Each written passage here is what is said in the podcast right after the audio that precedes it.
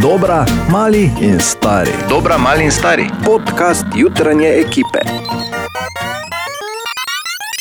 Želimo dobro jutro. Dobro, Dobro jutro. jutro. Ja, prvič v novem letu 2022 je ura že preko šeste v ponedeljek. Prvi ponedeljek v novem letu, po prvem ponedeljku se poznajo vsi ponedeljki, tako da ne si preoskih hulah obgor vlačiti, ker te bo celo leto vezalo. To je prvo. Drugo, kar pa je a, limonada. Limonada pomaga izločati strupe iz telesa. Čeprav, glede na to, kaj vse mi za praznike ne pojemo, ne vem, če raste dovolj limon na tem planetu.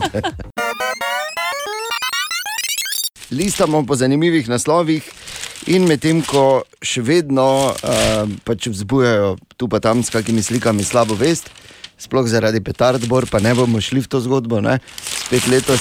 Kaj si mene našel s petardami? Kdo pa, glej, kdo pa meče v kaselce tam okoli po slovenski? Okay, priznam, Kaj pa? Kaslicih mečem Ja, kaj ste pa mislili? Porto dela, ne? ti, o, ti, ti, ne?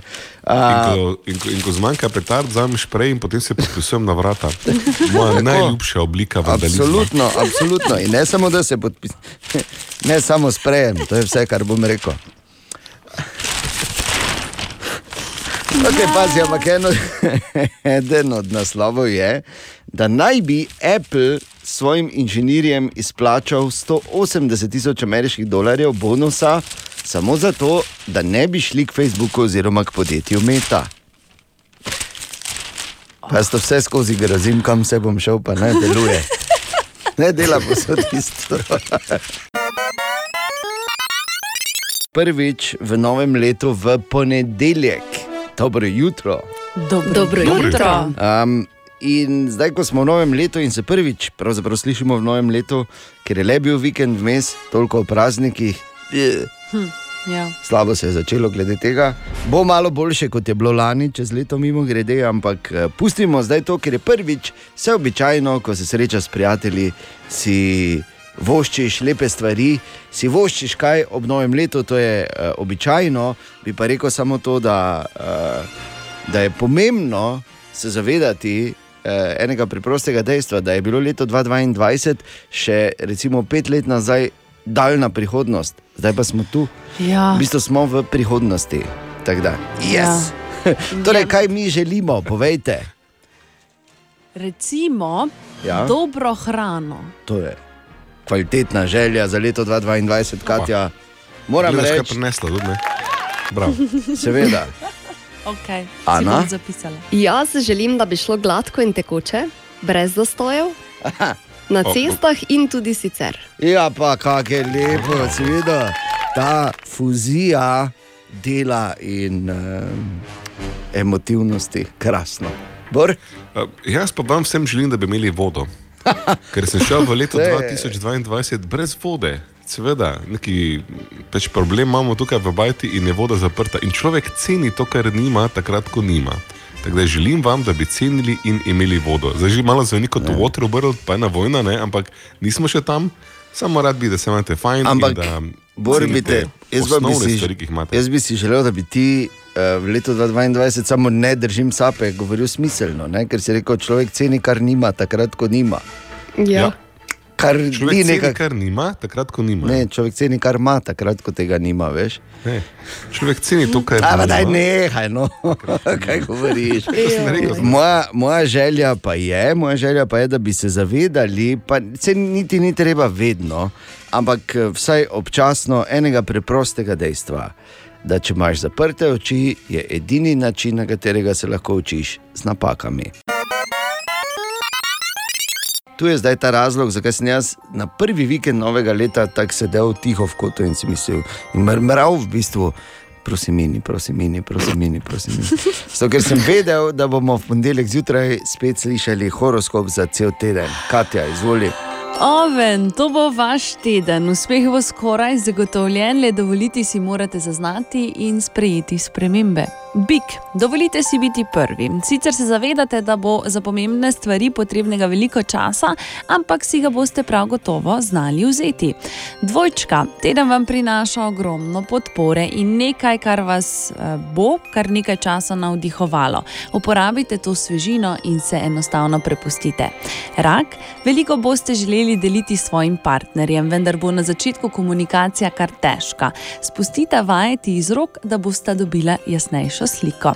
Lev, veliko boste razmišljali o spremembah, pri tem upoštevajte aktualne dejavnike in se predvsem zavedajte svojih ciljev in pa načrtov, ki ste si jih pripravili za prihodnost. Devica. Čas je, da zavrnete stare vzorce in prakse. Hitro se boste prilagodili na nove razmere, kar vas bo seveda neverjetno spodbudilo.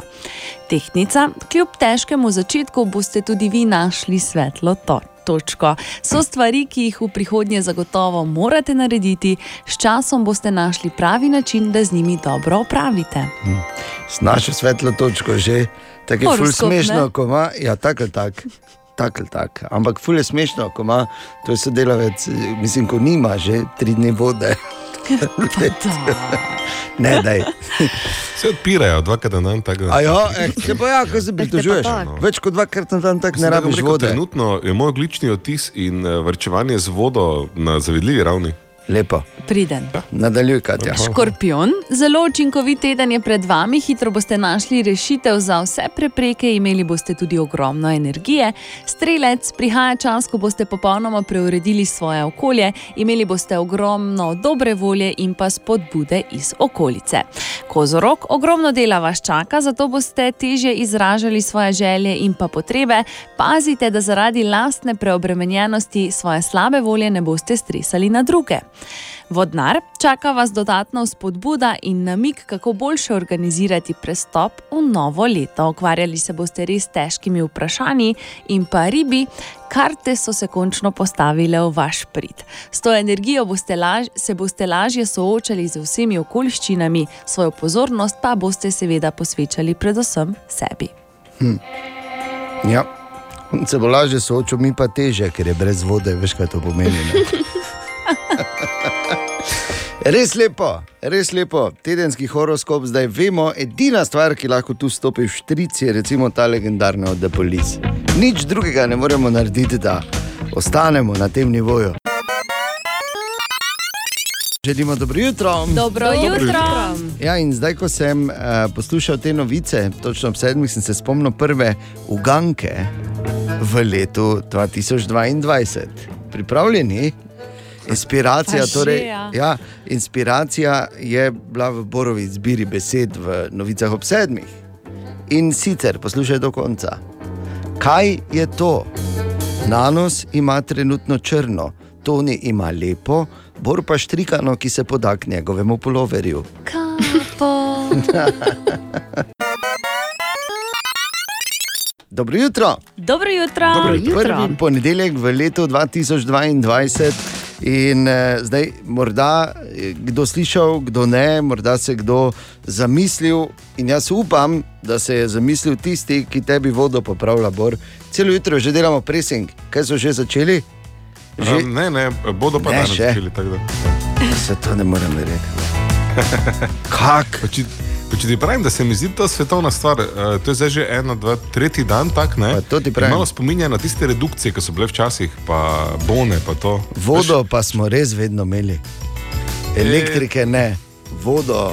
Ja, koliko se, se jaz sem rekel, spomnim. spominja, no, nisem rekel, da je identično. je pa res, da sem jaz v bistrem potočku živel. Ne? Tako da veš, ne. Pardon. Se, A, kot, kot gre tista pesem, ne, o bistrem potočku je mlin, Ja, bor, se, do zato smo. pa vedli na vsin. Vedlino. To je res super. Ja, za, za potrebe. Mislim, to pač je mala žrtev za veliko umetnost, ne? ta naglas. Daj na glas. Rekl bi pa samo to, da novo leto ob tem, da seveda prinaša običajno številne zaobljube, mimo grede, Katja mi je danes zjutraj povedala, šest od desetih se jih odloči, da bodo začeli telovaditi v novem letu. Bravo. Ne? Ja. Ja. In zdržijo ravno 14 dni v povprečju, ne? ker po 14 dnevih mislim, da pade že 70 odstotkov vseh novoletnih zaobljub, dveh do treh Yep. tednih. Um, ampak prinaša pa novo leto tudi nekaj novih stvari pri nas, in eh, po novem bodo, bodo petki na Radiu City kar precej drugačni. No? Tako veliko bolj friki. In o čem govorim? Freaky Friday. Friday. Friday. O, fras, o, medved, o, poslušalka, o, poslušalec. Vsak petek med 14 in 18 lahko v fras in medved šovu poslušaš, kaj ti paše. Zakaj? Ker je petek, ker lahko. Ima vsak svoj glasbeni okus, ker lahko zaplešeš na to. Medtem ko v avtu čakaš malega, da pride s trening, recimo. In kaj bi ti poslušal?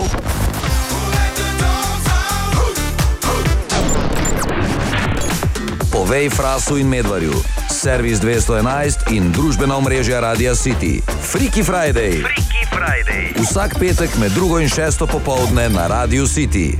Tako vsak wow. Wow. petek in petki več ne bojo isti, ker bojo veliko bolj friki pri nas na Radio City oziroma pri Frasu Čuj. in Medvedju.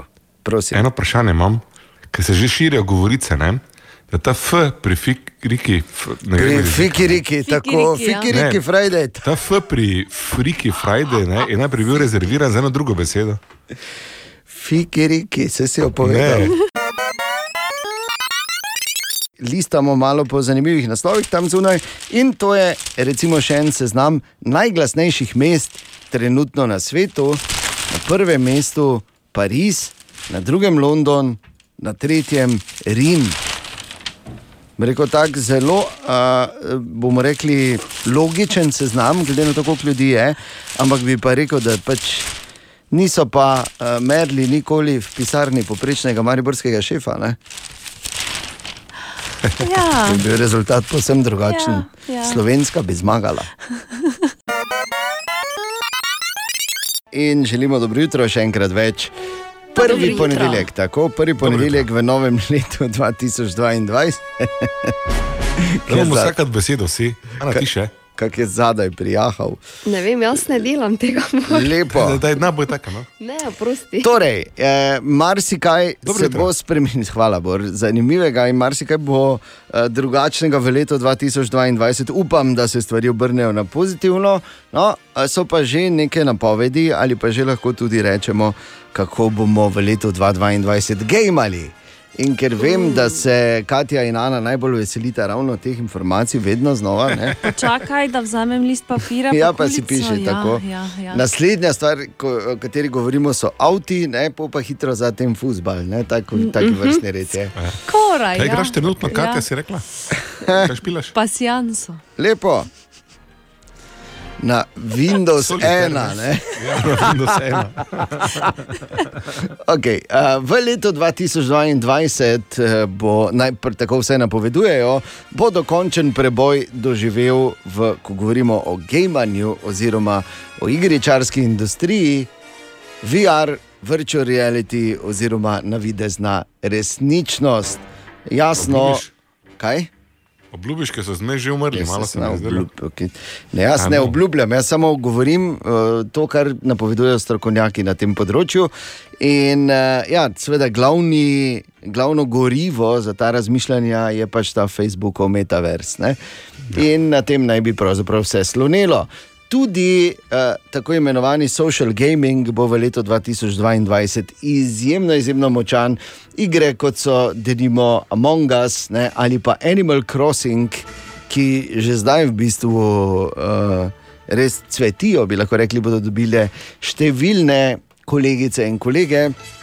In še naprej bojo potem pipali po 4, 5, 7 evrov nam staršem vsaka dva meseca za Game Pass. Ja, se ne dosti, mikrotransakcije je, Ja. krat milijon. Ja, mikro, krat več milijonov.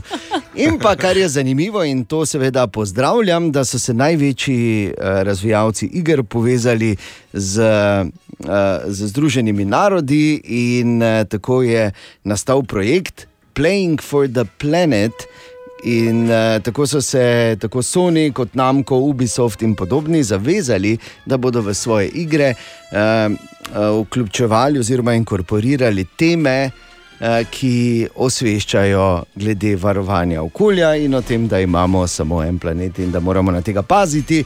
Prvi taki je že igra Ano 1800 torej leto 1800 in v 2022 naj bi številne igre uh, iz tega projekta Playing for the Planet uh, tudi prišle na tržišče, kar se mi zdi, da je končno ena pozitivna stvar, da ne bodo samo rekli, da so nima nič od tega. A kaj pa, ko bodo kirurgi, kaj pa, ko bodo reševali svet? Ja. Prej si Jano kupite uh, 8 od 10 na oceno približno. Čem si Jana? vzel. Kaj je rekel, preden si Ano kupite? O 1800 je igra. Ja, igra. Um, igraš mesto, realna strategija. Ampak poanta v tem, šel sem igrat, pa sem bil tak, ne, v tem letu je to prekomplicirano za me. Tako da Mhm. premislite, ne, preden to naredite. Dejan, uh, si končal z tem čudovitim Ja, reportom? kaj ti pa, se pa, kaj še pa je drugega sploh? Uh, mislim, bilo je brez napake, ena stvar je samo manjkala, ena resna stvar, to pa ti moram povedati. ne. Ja. Da, ko govoriš o gamingu, pa ne rečeš notem, nekje skrito, PC Master Race. Samo neki, pač ne, mm. pol nič ni več. Aha, ok. Ker konzolaši to so pa, gledaj. Kaj pa je PC Master Race? Ja, ne konzolaši, ne. A, kot, kot rasa. Okay, gled, to smo mi, ker so pa oni pa nam je vseeno, veš. Eni so to enkrat, tako enih skoraj sto let nazaj, govorili, bor, ni se dobro končalo. O, Tine! Prvič v letu 2022, Tine, dobro jutro. Juhu, dobro jutro. Dobro, Dobro jutro, jutro. Tine. Dobro jutro. Dobro jutro. Spet kompletni, tako smo se odločili, da te pričakamo v novem letu. Ja, edino Lepo, ne? pravilno, ne? Mislim, kompletni. Se razumeš? Koliko smo lahko, ne? Koliko smo Veš, lahko? Taki zasedbi, Ker mi kompletni, ne? nikoli nismo kompletni. Eh, To skrat uh, je kriva Katja. Pa ne govorim Še fizično. Bora si presenetil. Ja, Še meni se prezenta res. Ker je že bil pripravljen, da Kaj? skoči. Ne? Da vzamem za tim tako Na shitstorm, ne, Jaz to ne vzamem za tim.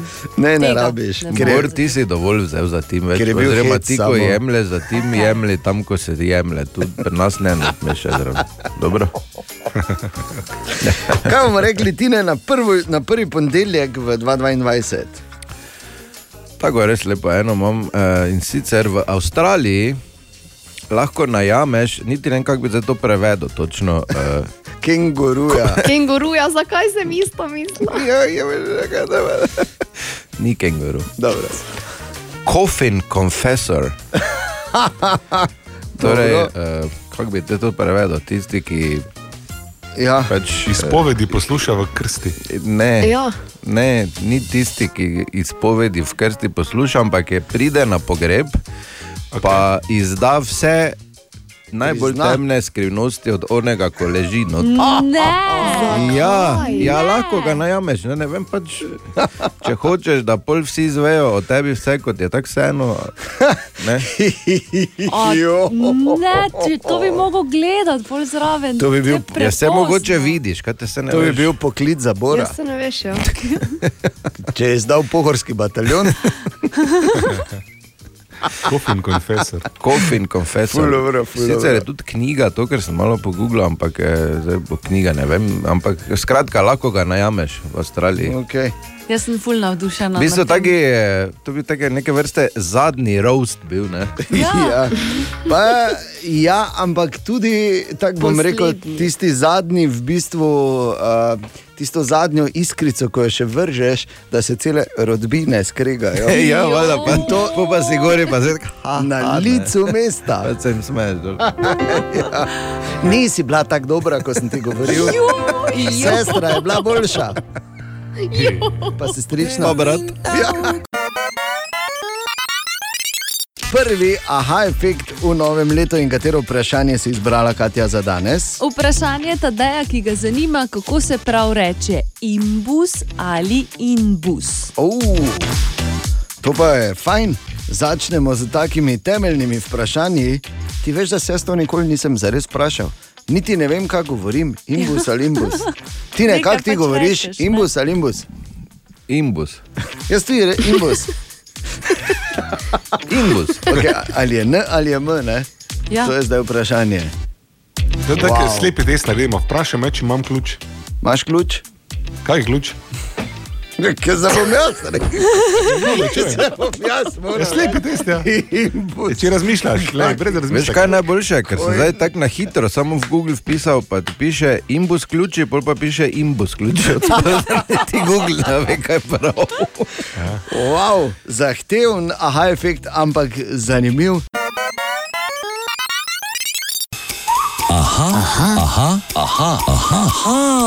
Aha, efekt. Torej, Bor odgovarja na vprašanje Tadeja, ki ga zanima, kako se prav reče eh, temu popularnemu ključu. IM-bus ali IN-bus.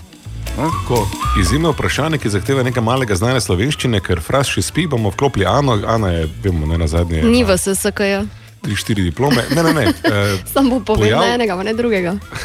pojav Ne, frasa, ne tebe. apelat- Sta se Ja, nehala ok, obmetavati, ok, pardon. Ja, torej. Pojavu rečemo apelativizacija ali poobčno imenjanje ali vileda, najlon, gore tekst, lajkra, šeleshamer.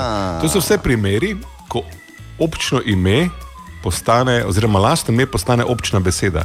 In Zdaj, inbus je bil najprej in, b, u, s. In pomeni inen seks, kante, šraube, bauer in š, š, und, und nekaj.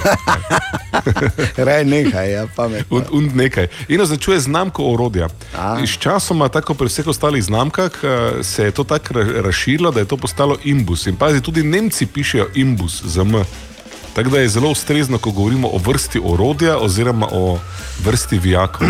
Če pa eh, govorimo o blagovni znamki tega podjetja, potem pa je imbus z N. Okay. Tako. Tako da, kakorkoli rečeš, je prav. Ja, ne, v bistvu je imbus, k- ker običajno uporabljamo, ker ne vem, če kdo sploh ve, da je to bila znamka prednje. Je pa to ena, ena beseda, pri kateri težko rečeš, da se je nekdo zmotil, ker je ne mogoče razločiti, ali si rekel N ali si rekel M. Tako da vsaj to. Ja, skoraj res. Ja. Ne? Tako da, kaj te da meni imbus? Izvoliš. Vidiš? dva. Tak, ne. kaj si dva, dva imbusa, sem dobil super. Bi pa samo rekel, še enkrat bi opozoril na fenomenalni hitri test, ki ga je naredil Bor. Kaj je hotel videti? ponovima? ne. Oziroma, ja, daj. To je test s korakom preveč, se reče. No, daj, Bor. Ja, okay. Dejan, uh, da, da, daj mi ključ. Ne, rekel si reči Joj, mi, če Bor. imam ključ. Ne, pa obrnemo zdaj. Ne, ne, klej spet je pokvaril, vse to ne moreš verjeti. Ali tudi vi pogosto totavate v temi? Aha, efekt, da boste vedeli več. Želimo dobro jutro. Dobro jutro. Jutro. Prvi ponedeljek v letu 2022. In eh, jaz bi se na tem mestu že zdaj, za nazaj pa za naprej zahvalil cenjenemu kolegu, ki, eh, iz katerega bomo rekli takole, zanimivih ravnanj eh, se rodijo zanimive življenjske modrosti. Kaj neki bom zdaj rekel? Ne? Ne, mislim, Pač ne, ne lepo preseneča, povedal. bom rekel. Da, ja, Sama tako. Lepo. ušesa smo. Ja, in tu je ta, recimo, morda misel, ki se je rodila danes zjutraj in uh, bi bil tudi dober vademekum za leto, ki se začenja. In sicer prav ob napačnem času je isto narobe. Pozor, še eno obvestilo imamo iz Limbuša. Zdravo, Danica pri telefonu, tu s pošte Limboš, kličem se za tek en kužak, no? e, malo večje rasti, dober manj, pa se upoteka tu, zdaj tu pri nas sicer. Okay, če uh, pogrešate Dobermana, dobra verjetnost je, da je na pošti v Limbušu in verjamem, da se bo ta zgodba še enkrat več uh, rešila. Uh, hvala lepa, uh, Danica, da si poklicala.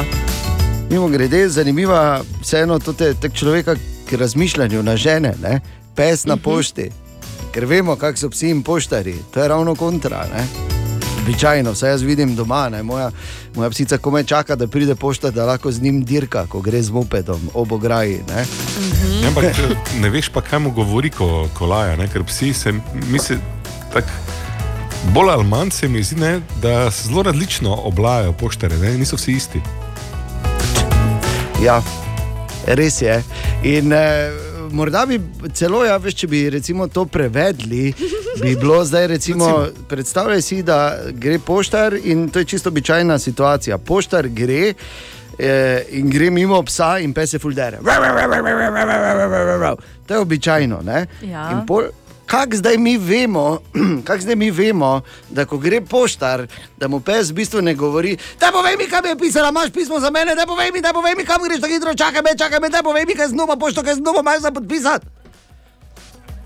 Nikoli ne veš, ne? mi slišimo samo hav, Točno to je, po mojem. pa slišimo samo hav, hav. Nikoli ne veš. In v Dakarju, oziroma pravzaprav ne v Dakarju, daleč od Dakarja je v bistvu v Saudski Arabiji, ampak vseeno poteka najzahtevnejši reli, reli Dakar in tam je naš Simon Marčič in eh, za, za vozniki, tako eh, vozniki eh, avtomobilov, tovornjakov, pa motorjev, seveda je druga etapa in Simon, kak je šlo? Včerajšnja prva etapa je bila res uh, nekaj, bom rekel, podoživetje tistega, kar smo vozili včasih v Argentini. Uh, Krči so me začeli grabiti, vedel sem, da ne smem preveč piti, uh, ker bo jasno se mogel potem stavljati, uh, da, da bi otočil. Uh, čeprav mi je nekaj let nazaj že en šved povedal, da ja, veš, na etapi sem se mogel, sem mogel trikrat otočiti, ampak samo dvakrat sem imel cajt ustaviti, tako da ne raje se vedno ustavljati, ampak eh, nekako sem si vseeno rekel, da to dostojanstvo bom ohranil, ne glede na roz, rezultat. Um, tako da ja, pol pa se je zgodilo še to, da sem se na koncu zgubil, s- eh, skoraj ostal zaradi tega brez benzina. Eh, In res, eh, če me ne bi domačini dejansko dali pol benzin 20 km pred ciljem, bi niti ne prišel cilj. Eh, Vozil sem se sicer full počasi, pol tistih zadnjih eh, 70 km, eh, ampak ja, važno je, da sem v cilju, sem presrečen, eh, ker, ker bil sem že z mislimi tam, da, da pač očitno odhajam domov letos po prvi etapi. Eh, Tako da ja, gremo dalje danes. Ja, in mi bomo držali pesti, Simon, sicer se še enkrat najboljše, kjer na svetu, kjer se delav zgodi, da uh, ostaneš brez benzina, je ravno tam, ne? na arabskem polotoku, ker tam verjetno vsak ima. Uh, je pa res, ja, da je bila prva etapa, se upravičujem, kajti najprej so vozili tako imenovani prolog, in danes bo druga etapa, sicer pa je Simon trenutno v svojem razredu Original na 14. mestu. Tako da drži se marča in se slišimo. In ker je vedno prvič, vedno pa je svet tudi zadnjič, ampak zdaj prvič v novem letu, upajmo, da ne zadnjič. Ne veš, kdaj je Pa zadnjič. to je to. Zato je seveda tu še posebej treba izpostaviti. Tu je naš priljubljen jutranji segment izborove špajze, tudi v letu 2022. Je. Dobro jutro. Zdaj, Dobro jutro. s tem vodom bi mogel malo pojamrati, ne, ampak kaj teče, sem šel v novo leto brez vode. Kaj teče, mi je bilo. Res je. eh, Večer pred novim letom slabo, da sem skoraj zamudil na leto, kaj teče, me trga po kosteh, tako da, ne da v najboljšem primeru imam gripo. Zato, ker zmeraj eh, lastno vrednost najdemo v primerjavah. Tako da peljem vas zdaj na mesto izjamranja v en razmislek prejšnje generacije. Če si ti bil rojen leta 1900, Ja. Potem si bil star 14 let, ko se je začela prva svetovna vojna. Ne? To zdaj o sebi Približno. govoriš. Ja, ja, ok, iz mojih izkušenj. Bil si 18 let star, ko se je končala. In je umrl kot- Ivan Cankar. Je umrl Ivan Cankar, ampak tudi 20 milijonov ljudi zaradi vojne. Takoj zatem španska gripa ubije še 50 milijonov, lju- 50 milijonov ljudi, COVID trenutno jih ima na tem žalostnem seznamu nekaj več kot 5 milijonov. In prideš ven, star si 20 let, preživel si prvo svetovno vojno in špansko gripo, samo da dobiš najprej črni petek, če si američan, če nisi američan, pa hopa v drugo svetovno vojno, star si 33, ko nacisti pridejo na oblast, star si 39, ko se konča druga svetovna vojna in do tvojega 40. leta je levo in desno 45. umrla. 45 si, veš, če si se 1900 rodil, Ja. 39. se je začela. Hvala za, hvala za sprednjo matematiko. 39, ko se začne, in 6 let kasneje si 45, Tako, tako, tako. preživel si holokaust, in do tvojega 45. leta, čez palec je levo in desno od tebe umrlo 60 milijonov ljudi. Tako je življenje. A ja, ne, moram malo pojamrati, ker vode nimam, pardon. Ampak samo še enkrat, ne vode v koleno, da ne bo kdo narobe razumel, ker to bi slavili. Dobro jutro še enkrat. Dobro jutro. Dobro jutro. Dobrodošli. 4. januar oziroma Mednarodni dan špagetov. Ker zdaj smo se odločili, da bomo začeli tudi zjutraj dajati kuharske nasvete, včasih. Tako da danes se je išlo, oziroma se šlo to mednarodni dnevi, mi tu, Italija, levo od nas, če gledaš na zemljevid, smer zahod in od tam svet špageti, oziroma so pač najbolj znani po špagetih, jasno. Meni ful dolgo ni bilo. Uh, Si nisem mogel predstavljati, kako oni to delajo, da, da imajo vsi špageti luknjo, no, dejansko. A ja, točno. Ja, ja, da imajo luknjo, ker ja. drugače niso špageti, Ja. drugače so luleki. Ja, točno tako. Bom zadržala zdaj ta komentar zase. Ne, ampak dejansko je to je tako zelo popularna, popularna hrana, vsi eh, ali pa velika večina ima rada špagete, otroci, dame, starejše dame. Ne. Se pravi, tisti, ki se kvalificirajo kako drugače, da ne bi koga spustili, no, samo pač pravim. Vsi ali pa mnogi. In zato smo uh, se odločili, da si danes malo pomagamo na naših družbenih omrežjih in sicer, ker je mednarodni dan špagetov in ker obstaja verjetnost, da bo danes kdo kuhal špagete, in obstaja tudi verjetnost, da se je kdaj kdo vprašal, uh, pa eh, spíš malo drugače. Ne da se mi iskati receptov, kaj če bi mi kdo povedal, kako pa on dela ali pa ona dela špagete. Sto danes, katere imaš ti najraje in kako jih pripraviš na naših družbenih omrežjih, da si malo podelimo. Ne? Uh, katere špagete imaš ti najraje, Ana? Bolognese. Bolognese, klasika, seveda. Katja? Tuna, ampak, ampak mora biti smetanova omaka. A, ok. Nič to s paradižnikom. Zelo v redu, kolegica, to bomo recept potem podelili. Z veseljem. Okay, sicer tu, ki si že kdaj videla, kako tuno, da je smetano padla, ne? mislim, tako bo zrepe komigala. Ja, zagotovo Tuna nima ima rada slano, pa, tuna ima rada slano, pa čili. Halo? Ne, uh, seveda. Aha, ok. Ne, ampak uh, jaz, pa, jaz pa delam, ker seveda to marsikoga zanima. Ja, seveda nas. Tako imenovano mojo uh, belo omako, uh, samo ime, se verjetno ni moja, verjetno to je marsikdo že naredil in je taužen variant tega.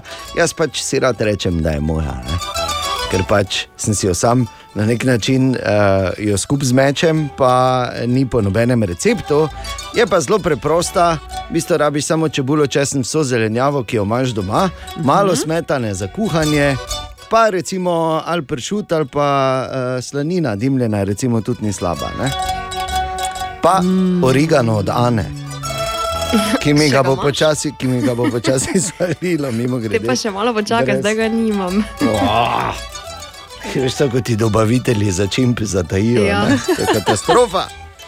No, in pol to veš, tako malo čebulo popražiš, daš noter to meso, oziroma pač pršut ali slanino, tudi malo popražiš, pol česenček, samo toliko, da zadiši, pol pa fuf, vse, kar imaš, papriko, paradajz, karkoli, malo sveže bazilike, anin uh, uh, origano, ne, uh, sol, poper, malo čilija, tako da je glih prav, ne, in pol, ko je skoraj fertik, že to, ma, samo zaliješ za malo še uh, smetane za kuhanje, zmešaš fuf špagete noter, uh, paziš, da daš malo vode zraven, da ko agulira, pokriješ z. z Pokrovko, Pokrovko. ja, in enih pet minut pustiš malo stati, pol pa fu, fu, fu, razmešaš pa hop na krožnike. Kako razmešaš, lahko da- prosim. tako, fu, fu, fu, fu, Veš, z, z, okay. tako jaz pa Jamie Oliver delamo, tako hopa, hopa. Aha, ta- ta, vidva ne. delata. Ja, ja. In imaš zelo hitro ene super špagete, tako da zraven se poda velika sklida solate. Lahko pa tudi nič, lahko ko tak ješ, lahko si čebulo na bučnem olju narediš karkoli, pač, no, razumeš? Vse pa še zraven, je pa tako malo sladka, tako malo sladka, malo slana, malo pikne, malo bela, take, ko imamo radi. Torej, vse ima.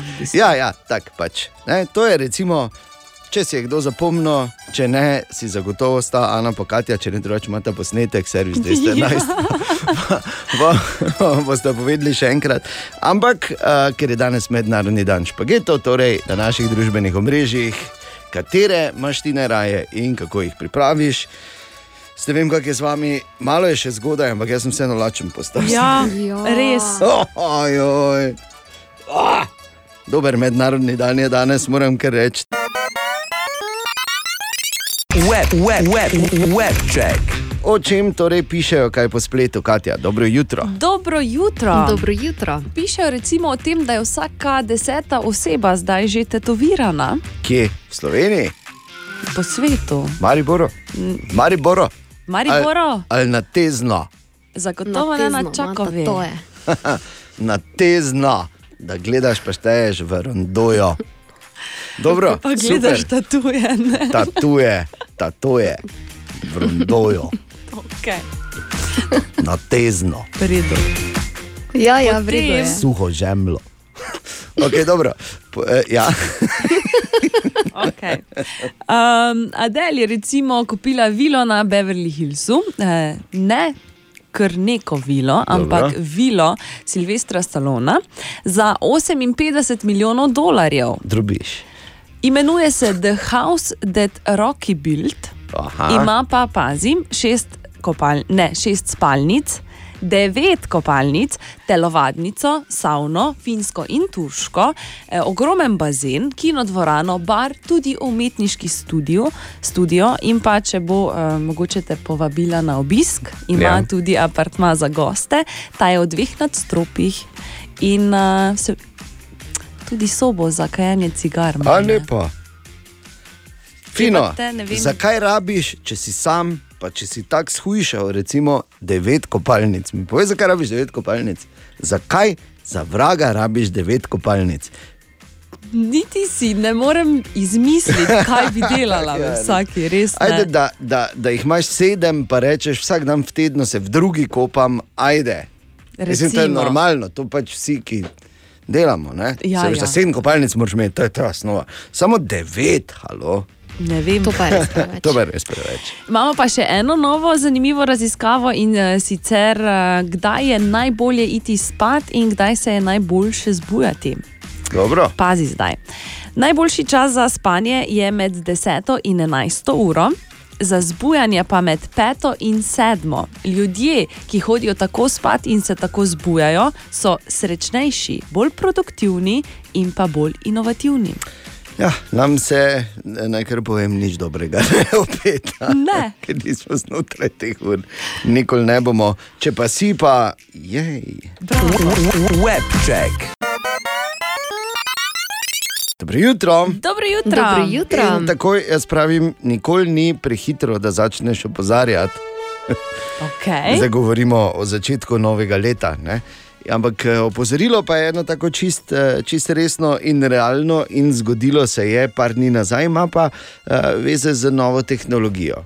Uh, oziroma, niti ne več tako novo, no, za nekoga novo, ker dvomim, da so uh, torej hišni oziroma inteligentni asistenti uh, precej pogosti v naših domovih. Marsikdo uporablja pač tega Hey Google, ne, mnogi uporabljajo ali pa uporabljamo Alexo, bomo rekli, ne, eh, imamo doma in eh, tudi Appleovi so in tako dalje. Skratka, mašina, s katero se p- lahko pogovarjaš in eh, ki se odziva na glasovne. Uh, ukaze, če slučajno kdo ne ve, kaj so ti inteligentni asistenti, so povezani v internet, lahko seveda vse žarnice, pečice, kaj imate v Pametnega. sklopu ja, interneta, stvari, gor povežete in vse vodite tudi nadaljavo. No, skratka, uh, ampak kot pri vsaki stvari je tudi tu potrebna določena pozornost in previdnost, kaj ti nedolgo nazaj je. Uh, Aleksa, desetletni deklici, ki se je igrala, ker imaš ogromno, recimo, iger. Ne? Ti lahko Ja. rečeš, jaz bi se šel to, pa neki mm -hmm. kviz, pa rad bi ta uni challenge, pa ta challenge. Ne? In se je deklica igrala uh, in je, veš, sta, zdaj pa daj desno nogo, pa se primi z levo roko, pa naredi to. Mm -hmm. Kot twister, podobno neka igra je. Ne? Ampak okay. se reče pač neki challenge. In je hotla imeti, je bilo dolg čas, slabo vreme je bilo, in je hotla imeti neki challenge od Alekse, in Aleksa ji je rekla, mrtvo hladno. Vzami ponilec od telefona, daj ga samo na polovico v vtičnico in potem z bakrenim kovancem se dotakni tistega dela obeh vtičev, ki gledata ven. Kaj? Ja. Ampak zakaj je prišlo do tega? Ker je pač uporabila besedo challenge in ti uh, inteligentni asistenti pač upravljajo tako imenovani web scraping, da na hitro po spletu pogooglajo oziroma poiščejo primeren challenge. In Alexa je pač našla uh, ta challenge, ki je pač na TikToku že nekaj časa, v bistvu popularen, popularen pod narekovaj, ko dejansko ljudje to delajo. In je prišlo že do številnih poškodb, eh, pa tudi požarov in tako dalje zaradi tega. In je pač to vzela in je pač to predlagala deklici. Sveda je mama to takoj prijavila, pri Amazonu so takoj odpravili to uh, napako, dali noter neko varovalko, da se ne bo uh, ponavljalo. Ampak, kar je pač pomembno vedeti pri tem, se zdaj tehnologija, načeloma sama po sebi ni kriva, ker tehnologija noče nič. ne. Ja. Mi vemo, tehnologija noče ne dobro, ne slabo. Če vzamemo Hammer, Hammer noče zabiti samo sebe žeblja v les, ja. niti ne prileteti boru v glavo. Recimo, ne. noče. Recimo. Mi moramo s tem hamrom to narediti, kar pomeni, da je seveda problem nekje drugje, ne direktno v tehnologiji. Na vsakem primeru pa hočem povedati to, dajmo, ne, dajmo se zbrati, dajmo otroke izobraževati tudi glede tega. Uh, pa mogoče to zdaj ja, premak, bi bilo fajn, če bi premaknili uh, vso breme iz družin, morda na katere druge inštitucije, tudi že bi bil čas, glede na to, da se tehnologije razvijajo eksponentno in, in, in predvsem, da pazimo in uporabljamo zdravo pamet, in da ne sodelujemo v nekih tumastih challengih, ki obstajajo na družbenih omrežjih, in ni jih malo. Morda edino bi kdo iz jutrne ekipe lahko se šel oni challenge, pridi točno v službo. To recimo, ajde, tega toleriram. Michael Stipe je danes star 62, ura pa je slabih 8 minut pred sedmo. Koliko si pa ti stara, Katja? Koliko? Ja, no, če se menimo, koliko je kdo star, lala, pri vama še Ja, je to, ja, ja, še to brez okay. problema, 28. Ana, Pa pa? Ana pa še čist malo, pa že skoraj Daj 30. Ne? Ne Tak- spominj, kaj ne spominjaj, hočem, prosim. samo hočem povedati, to ni debata, to smo zdaj primer naredili. Dragi gospodje, če danes pridete v pisarno, ne sodelavke s tem napadati. Novo leto spet boš imela rojsten dan, kaj si ti na ne. Kako lepo, jo lega bo stara, že pa je to, pa je bila cesta, spomniš, kako smo bili mladi. Ni debata, ne? Ki bi si jo kdo želel zjutraj. Odvisno, kako jo začneš. Ne? A, očitno je, ja, odvisno, kako začneš, ker od neodvisno, kako se bo končala. Želimo dobro jutro. Dobro jutro. Dobro jutro. Ja, leto 2022 je, danes je 4. januar in leto 2022 je bilo v Sloveniji razglašeno za Plečnikovo in Tartinijevo leto, kajti eh, mineva namreč 150 let od rojstva arhitekta Jožeta Plečnika, enega največjih arhitektov globalno gledano v zgodovini človeštva, zagotovo, ter 330 let od rojstva skladatelja in violinista Giuseppeja Tartinija. Uh, in zdaj, če se kdo vpraša, kaj ima ta plečnik, pa Tartini neposredno z nami v Mariboru, da tudi mi lahko praznujemo to. Je zadeva taka, moraš res razmisliti. In pol vidiš, da je plečnik je naredil en prizidek k eni kapelici, ki so jo hoteli porušiti zaradi garažne hiše, Tartinjevi potomci pa že stoletja pipajo denar nam poleti v Piranu. Tako da smo povezani, lahko praznujemo. Danes je torej že 4. januar in še enkrat dobro, dobro jutro, dobrodošli. Dobro, Dobro jutro. jutro. Pozdravljeni in uh, ja, ob pres, preskoku v novo leto, ne glede na to, da je to lahko bi rekli debata stara skoraj da. Toliko kot uh, Gregorijanski koledar, po katerem se ravnamo, ampak vedno, uh, ko uh, skočimo v novo leto, človek reče: tako, novo leto, nov začetek, zdaj pa bo drugače, ali, vse, ali vsaj nekaj. Temu seveda se reče novoletna zaobljuba, in šli smo malo preveriti na ulice našega mesta, kako je, David, dobro jutro. Dobro jutro, pa srečnega in zdravega. Ne? No, enako, David. Hvala, enako. Tako. A, torej, David, ti si šel preveriti, eh, kako je z novoletnimi zaobljubami v našem mestu, in pa je, se jih večina, se jih večina, s katerimi si govoril, sploh Ni zadala, niti ne. Ne, nekaj ljudi mi je celo reklo, da niso niti pomislili do tistega trenutka na to, tako da sem jih v bistvu malo spomnil, kar bi lahko pomenilo, da nam očitno ne gre tako slabo, če ne potrebujemo sprememb. Je pa verjetno res, da marsikdo od teh ni zdaj želel razglabljati, razlagati vsem okoli, kaj si je zadal oziroma zadala, in mi je pač na hitro rekel, nimam za obljub in je stvar rešena. Kakorkoli, ampak kljub temu, da so bili odgovori bolj kot ne negativni, so bili vseeno zanimivi. A, Letos žal ne, ker se jih nikoli ne držim. Teden, dva, sploh ker se je šlo za čike in podobne zadeve, in to ni dolgo. Ne, jaz si nisem dala nobenih zaobljub. Ne. ne vem, ker lahko tako vsak dan si obljubiš, ne rabiš za novo leto.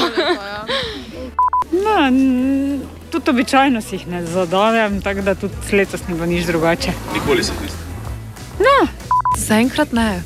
Nisem še točno razmišljala o njih, verjetno samo to, da se naučim biti malo bolj sproščena. Uh, ne, niti ne. Uh, je pa bilo tako, da moram več uživati, pa se manj sekirati. Ja, no to pa tudi ni slaba ideja oziroma za obljuba. Absolutno ne, A, ampak si srečal sploh koga, ki je imel kako. Ja, srečal sem eno srednje šolko, ki pa je imela res vse razdelano. Mm, Jaz sem. Uh, eno od teh je bilo, da bom bila odlična v. Ja, ker sem že tretji letnik. Uh, druga pa je bila, da se bom stala med vikendom ob 8 zjutraj. Zakaj je to? Uh, zato ker jaz drugače spim do enih popovdne med vikendom. Pa kaj se jih dolgo držiš, ali ti rad ali ti ne? Ne, mogoče pol meseca. No, to je še mene tako na pol prestrašilo, sem si rekel, ok, se moram malo zresniti. Um, obstaja pa mimo grede ena finta, oziroma life hack, bi lahko temu tudi rekli. Če prijateljem poveš, kaj si si zadala ali zadal, te potem konstantno sprašujejo, kaj delaš na tem, kako gre ti, kaj je ratalo, in te na ta način malo silijo, da ne odnehaš, oziroma da preprosto ne pozabiš. Tako da mogoče bom zdaj izkoristil priliko. Jaz imam za letos cilj, da čim manj štoram po telefonu, tako da vsi, ki me poznate, me prosim na to opominjate. Uh, kaj pa ste si vi zadali? Aha, Aha. kaj pa smo si mi? Ja. Nič. Lepo. Ker pač tako Ana, so nič, rekli Katja, vsi. nič. Nič pač, ne. Povej pa dobro nič, ne kakšni amaterki, pa zdaj bi mogli dobiti sto idej, evo mene. Jaz sem če čez vikend spal do 8, to je prva. Male cirkularka vžgala. Ja, čez čujem, vikend ja. spim do 8, ker je Julija začela nas Osmih. gor rukati ob 6. Ja, to je Dobro. prva zabljuba. Ne? Veliko Če vidite sreče. Otroka za, nogo, za nogico veseti skozi okno, prehitro se je vstala. Ne? Idej, okay. že idej, ampak pač si vsaj ne mečeva peska v oči. Veš, kaj sem se jaz? držali. Ja, ker ne gre zdaj za ideje, točno to, gre za to, kaj se odločiš, da boš naredil, o idejah razglabljati. Samo naj ti pa povem to jutranje zbujanje ob vikendih in otroci. Jaz sem govoril, da ko, ker sta sedaj ista bila. Za še vedno, ampak zdaj je to malo drugače.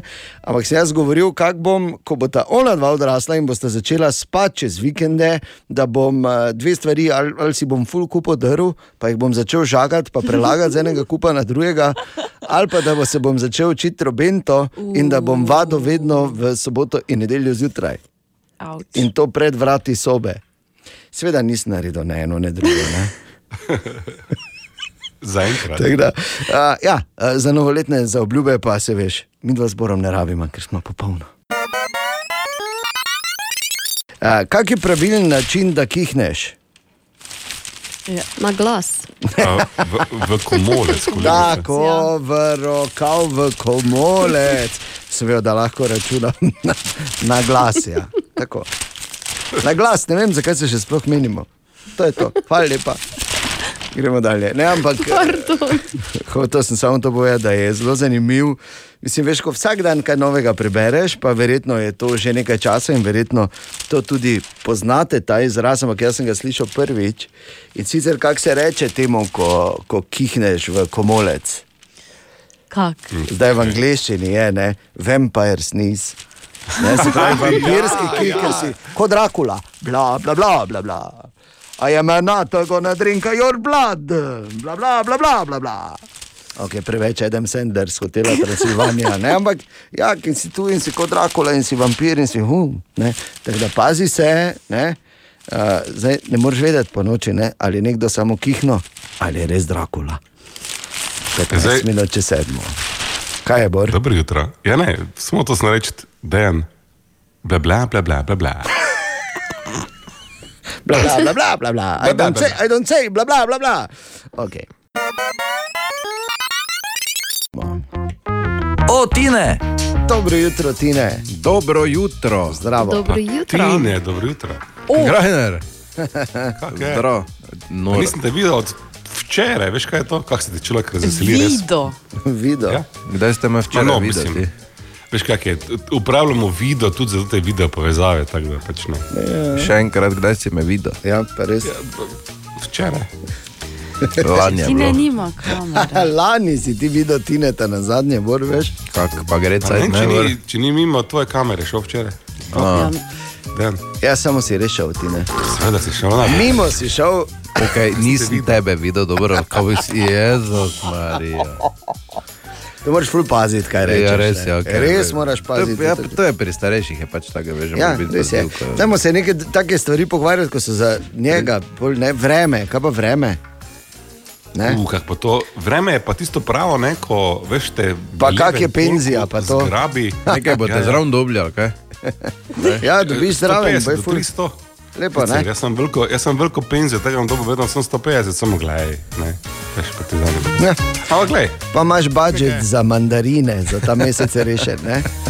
glej, zopet ne, niso neretvanske, so pa ne. Dobro. Zdaj bo je tiho malo, ok, Ja, lahko smo šli? Ti ne, izvoli. E, eno zanimivost, mogoče vam kdaj pride prav na, če se boste v kakšnem kvizu znašli. Tak, taka, se mi zdi, da bi lahko bilo tako kviz vprašanje. Jaz recimo nisem odgovora vedel, da jim verjetno ve. Ja. Mislim, nič takega ni. No, zdaj, eh, največja država na svetu brez reke. Oh my Brez God. reke. Kazahstan? Ne. Ni. Kazahstan je reke. Ja, ne vem, ja, jaz sem bil tam, pa nisem videl nobene reke. Kaj si bil, pa Kazahstan ni tako Ne, mali. ampak ne. v Astani ni nobene reke, oziroma Nur Sultanu. Vsaj jaz je nisem videl. Ti, kaj si ti Pa tam pretežno, delal? preštez, pretežno stepska država, tako da se veš. No, povej. Saudska Arabija. A?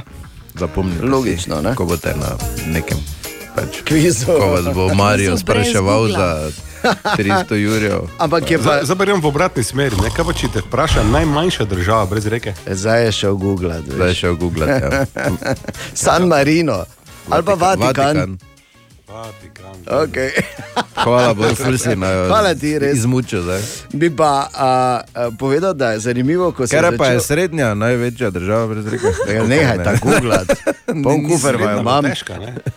Pa poslušajte zgodbo povezano s vprašanji za kviz, ko se je začel milijonar, ne, takrat tisti originalni, z Jonasom, ti, ko, še, ko so še kvizi bili, ne, tako se reče, ko še kviz bil. Uh, se razmišljal, kako bi bilo super, uh, če bi jaz vedel odgovor na vprašanje, oziroma če bi bilo vprašanje, koliko tunelov je med Mariborom in Ljubljano. In prisežem, čez en teden je bilo to vprašanje v kvizu. Kaj? Pa je vedel oni? Uh, ne. Ti veš? Ja. Koliko jih je? Je šest, ne? Ja, kako te tega ne veste? Ker ne štejemo to delo. Viš se pa bi morali, morali biti pri stvari, ne pa da se vozite tako. tako. bi tako kot tri blekno, samo ko se jih spomnim. Tam Jaz sem bolj šel, koliko- Oni pod krofi, pa to ta naša dva. pa sta taki. Tu sta dva, pol pa štirje. Ja, ne? vem, ampak pravim ti, da neko tako pomisliš, misliš, a ovi dugi je, pa to ta naša dva. Vmes pa sem kaj pozabil. Si pozabil, ne? Ja. Tako se pač Jaz sem pozabi. vem, da ko priješ pri tem zadnjem vun, ne, tako zadiha se nekako. Ni res to, tako. A zdaj malo potrobim. Tit, tit. Ok, gremo dalje z muziko.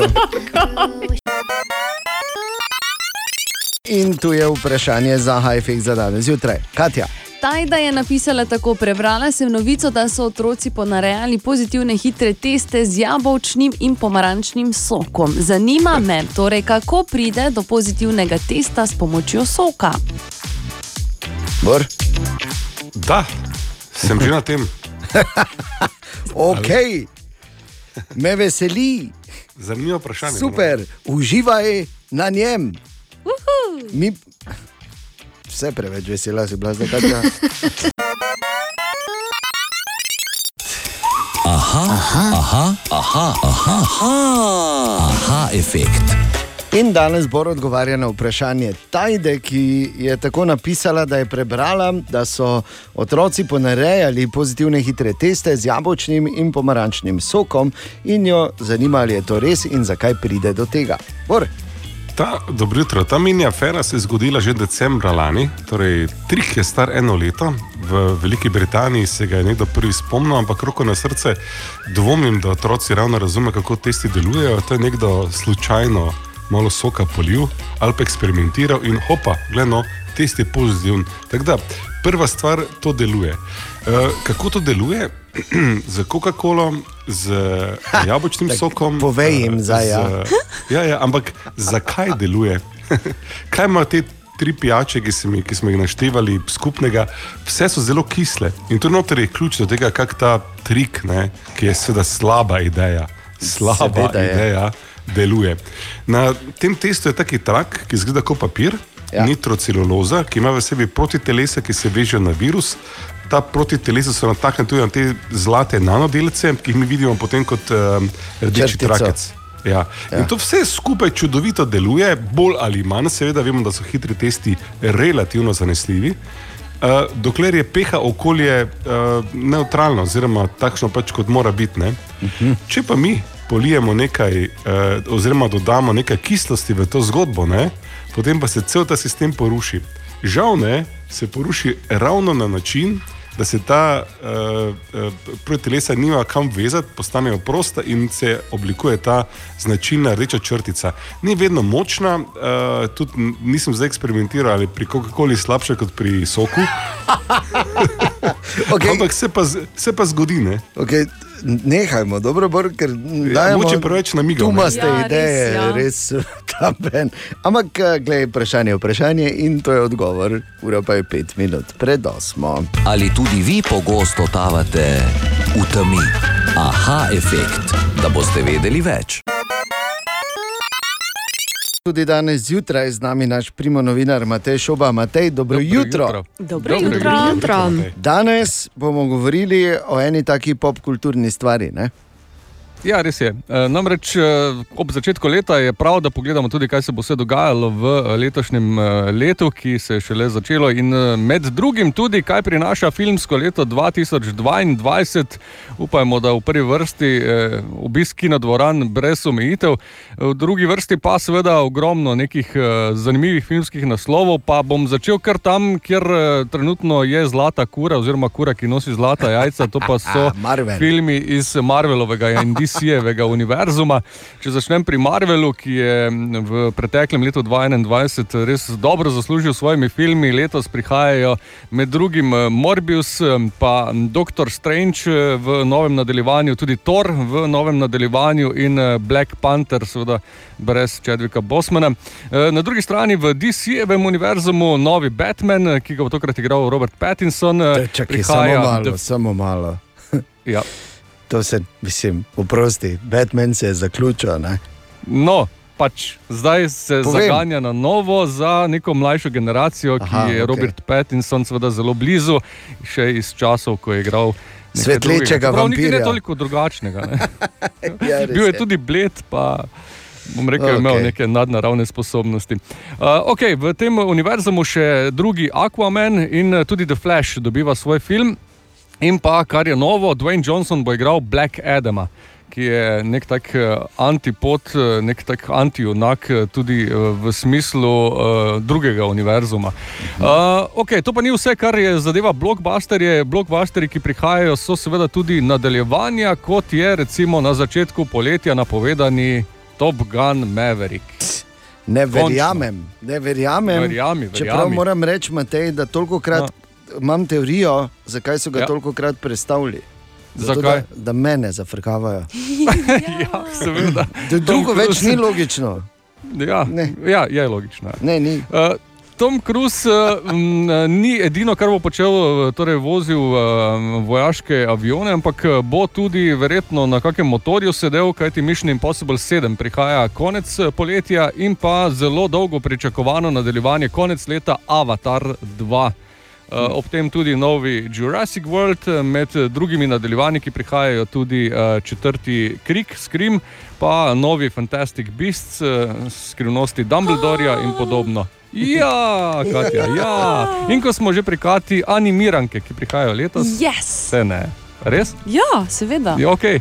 Novi minioni, med drugim uh, novi Ice Age, ampak zgodba samo o Baku, potem uh, Spider-Man. Cool. Uh, Across the Spider-Verse in sicer prvi del, pa Nova Transilvanija, tudi uh, novo uh, iz uh, Toy Story in sicer samo zgodba o Bazu Lightyearju. In Spin-offi, pa- torej, ja. Tako, spin-off in pa Sonic uh, številka dve. Tako, eh, in še um, um, obuti maček. To je recimo ene take Da, uh, Matej. za tiste, ki Matej, imamo hvala. uh, otroke. ne. Matej, da Pa za reči še, da bo Frozen 3, no, da reči.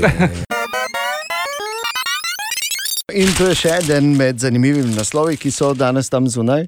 Pravi pa takole, da so raziskave pokazale, da ljudje rojeni januarja dobivajo najslabša in najmanjša darila za rojstni dan. Hvala, že vnaprej. Tako da kaj ne rečemo, jaz so žaljana. Ne? ne pričakuj preveč letos, samo to ti bom rekel. Glej, glavno, da se do marca porihta. Ja. Pa je že februarja drugače. Dočimer pa boš dobil dosti. po tem takem bi morala mi dva s Katjo, ki so septembra in oktobra Ja. priti s kombijem, pa nič ne. Nič ni kazalo na Ne, ne, to. ne, Slabo, ne dobro razmišljate, do septembra zopet zmanjka, veš. To je No ja, samo bor niso vsi tako kot ti šest tednov uh, na hrvaške stroške na morju. To pa za drugo. Ne? A še eno stvar je treba opozoriti na Radio City, od tega petka dalje. Freaky Friday. Friday. Friday. O, fras, o, medvard, o, poslušalka, o, poslušalec. Vsak petek med 14 in 18 lahko v fras in medvard šovu poslušaš, kaj ti paše. Zakaj? Ker je petek, ker lahko. Ker ima vsak svoj glasbeni okus, ker lahko zaplešeš na to. Medtem ko v avtu čakaš malega, da pride s trening, recimo. In kaj bi ti poslušal?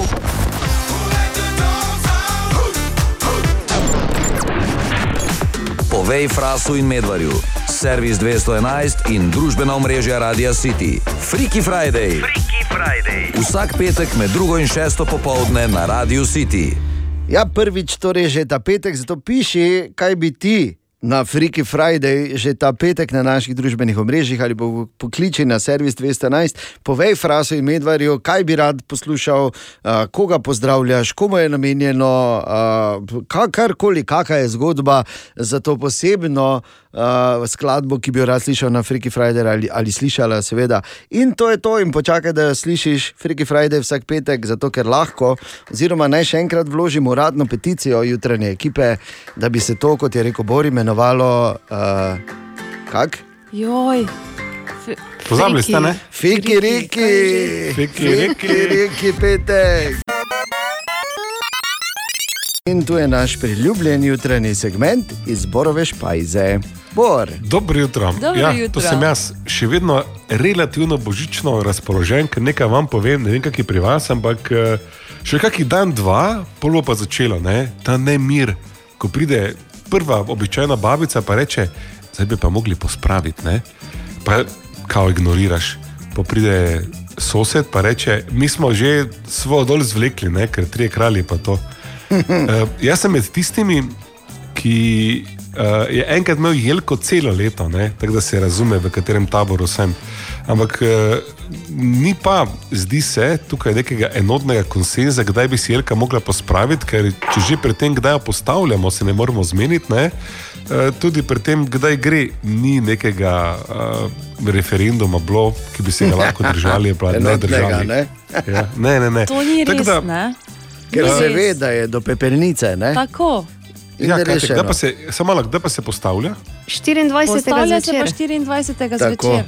Zakaj potem že 11. novembra stojijo jelke in eh, so Ali okrašene? sem jo jaz postavila? Ja. Ne, Ali ne. sem jo jaz postavil? Jaz vem, da sem jo včeraj podrla in še nikoli nisem tako lahko dihala v stanovanju. Okay, mislim, ena od možnih rešitev je, da če imaš pravo, jo podreš, ko začne iglice spuščati, ne, ker rečeš, pač, ok, zdaj pa jo moramo, ker drugače bomo se tukaj vtopili v iglicah. Ne. Samo kaj pa, če imaš umetno tako jaz sem, glej, govoriti človek z izkušnjami, ki je imel jelko celo leto, pa je bilo čez vrjo. Ja, te pa je Malo celo bo leto, saj Te pa je megle, kak, gled na tem smo, kak ti paše. Ja. Bodi, bor, mej, jelko, plezaj gor, leži spodaj, glejo, Ja. vohajo, Ni bilo pač si lahko postaviš pol zraven. Tako grizljaj iglice, uživaj, uživaj, naš prijatelj, uživaj. Mi ti privoščimo. Bravo, evo, gled, gledajte, samo malo z malim aplauzom smo prišli okoli, vsakemu, kak vam paše, ker jelke niso cepljenje. Ne? Ne. Oblačno bo danes z najvišjimi temperaturami tam do 13 stopinj, bo pa do... Prehitro je bilo, pardon. Pač, prehitro sem želela povedati. Torej, do povdne pa bo pričelo deževati in deževalo bo potem vse do večera. eh, Na tem, potem Ne, pa ne. torej se bodo padavine spremenile v sneg, o Marička. Veš, da če bi bil, o, Marička, glej ga, PDP, ne? Moram reči, da dobro jutro najprej. Dobro seveda. jutro. Dobro Oziroma Omarička, dobro Ja, ja, P- PDP. Pa potem na, na, na. Moram reči, da sem imel planirano nekaj čisto drugega, Ja, ampak verjamem, Katja, vsaka čast res. 4 minute čez šesto, o Marička, sreda je že. Dobrodošli. Želimo dobro jutro. Dobro jutro. Dobro jutro. Preden sploh gremo naprej, moram povedati, da je danes 5. januar in to je mednarodni dan ptic. Tako da vsi profesionalni in ljubiteljski ornitologi, dobro jutro in čestitke. Čestitamo. sem, Kaj? A, je rekel, hvala. Je pa res, da sem razmišljal eno stvar. Veš, kaj bi bilo pa idealno? Tisto, kot se reče, asna desetko, češnja na smetano. Ne? Ja, Tako pa? se reče, veš pa še kaj se reče. Ja. Ata na mamo, recimo, kot se reče. Ne? Ja. Če bi na mednarodni dan ptic imeli hkrati mednarodni dan moke, mednarodni dan jajc, mednarodni dan drobtin in mednarodni dan vročega olja. Mhm. Danes zjutraj tudi listamo malo med zanimivimi naslovi. Številni so, eh, delimo, Katja je danes zjutraj kliknila na enega povezanega z Janom Plestenjakom. Mhm. Tako da vse, kar rečem, je omarička. In kaj na to pravi eh, Plestenjakov od poslanec po telesu v Mariboru, Borgrajner, čeprav se počasi tudi ne, od te vloge poslavljaš tem lampom. Omarička. Tako, o Marička, točno to, točno to bi rekel Jan, o Marička. Sicer pa na današnji dan leta 1908, torej na 5. januar, se je zgodila prva zimska tura na Kamniškem sedlu, kar pomeni, eh, da velja ta dan za začetek slovenskega zimskega alpinizma, ki torej traja že 113 let. Noro. O Marička. Jaz sicer, Omarička, ja, lahko rečem samo, jaz sicer nisem v tej oski skupini posebnežev iz mojega zornega kota, ki slišijo klic gora. Ki, je, veš, zdaj, če tega ne razumeš, pa ne me zdaj, ne, jaz pač ne razumem, pa se pač malo hecam na to temo.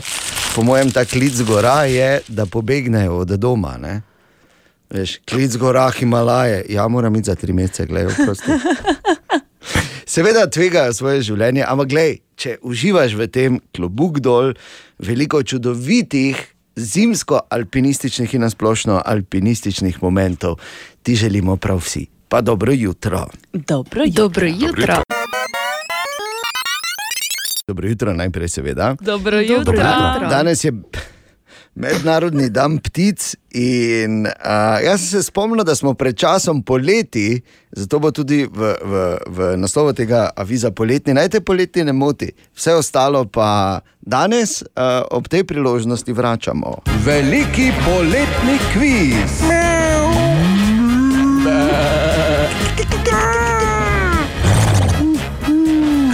Katera žival sem? Katera žival sem, oziroma v današnjem primeru, katera ptica sem.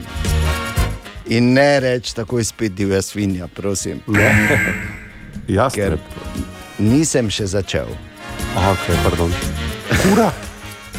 Kuraš Nisem še začel, jaz dajem namige, vi pa ugotavljate, kdo pač prvi ugotovi, katera ptica sem, kaj je res tako težko. Vidim, Ne, da bom noben ni pa gremo zapomnil tega kviza. Okay. Torej, katera ptica sem na mednarodni dan ptic? Nas je 83 vrst in živimo praktično po celem svetu, na vseh kontinentih, razen na Antarktiki. Okay.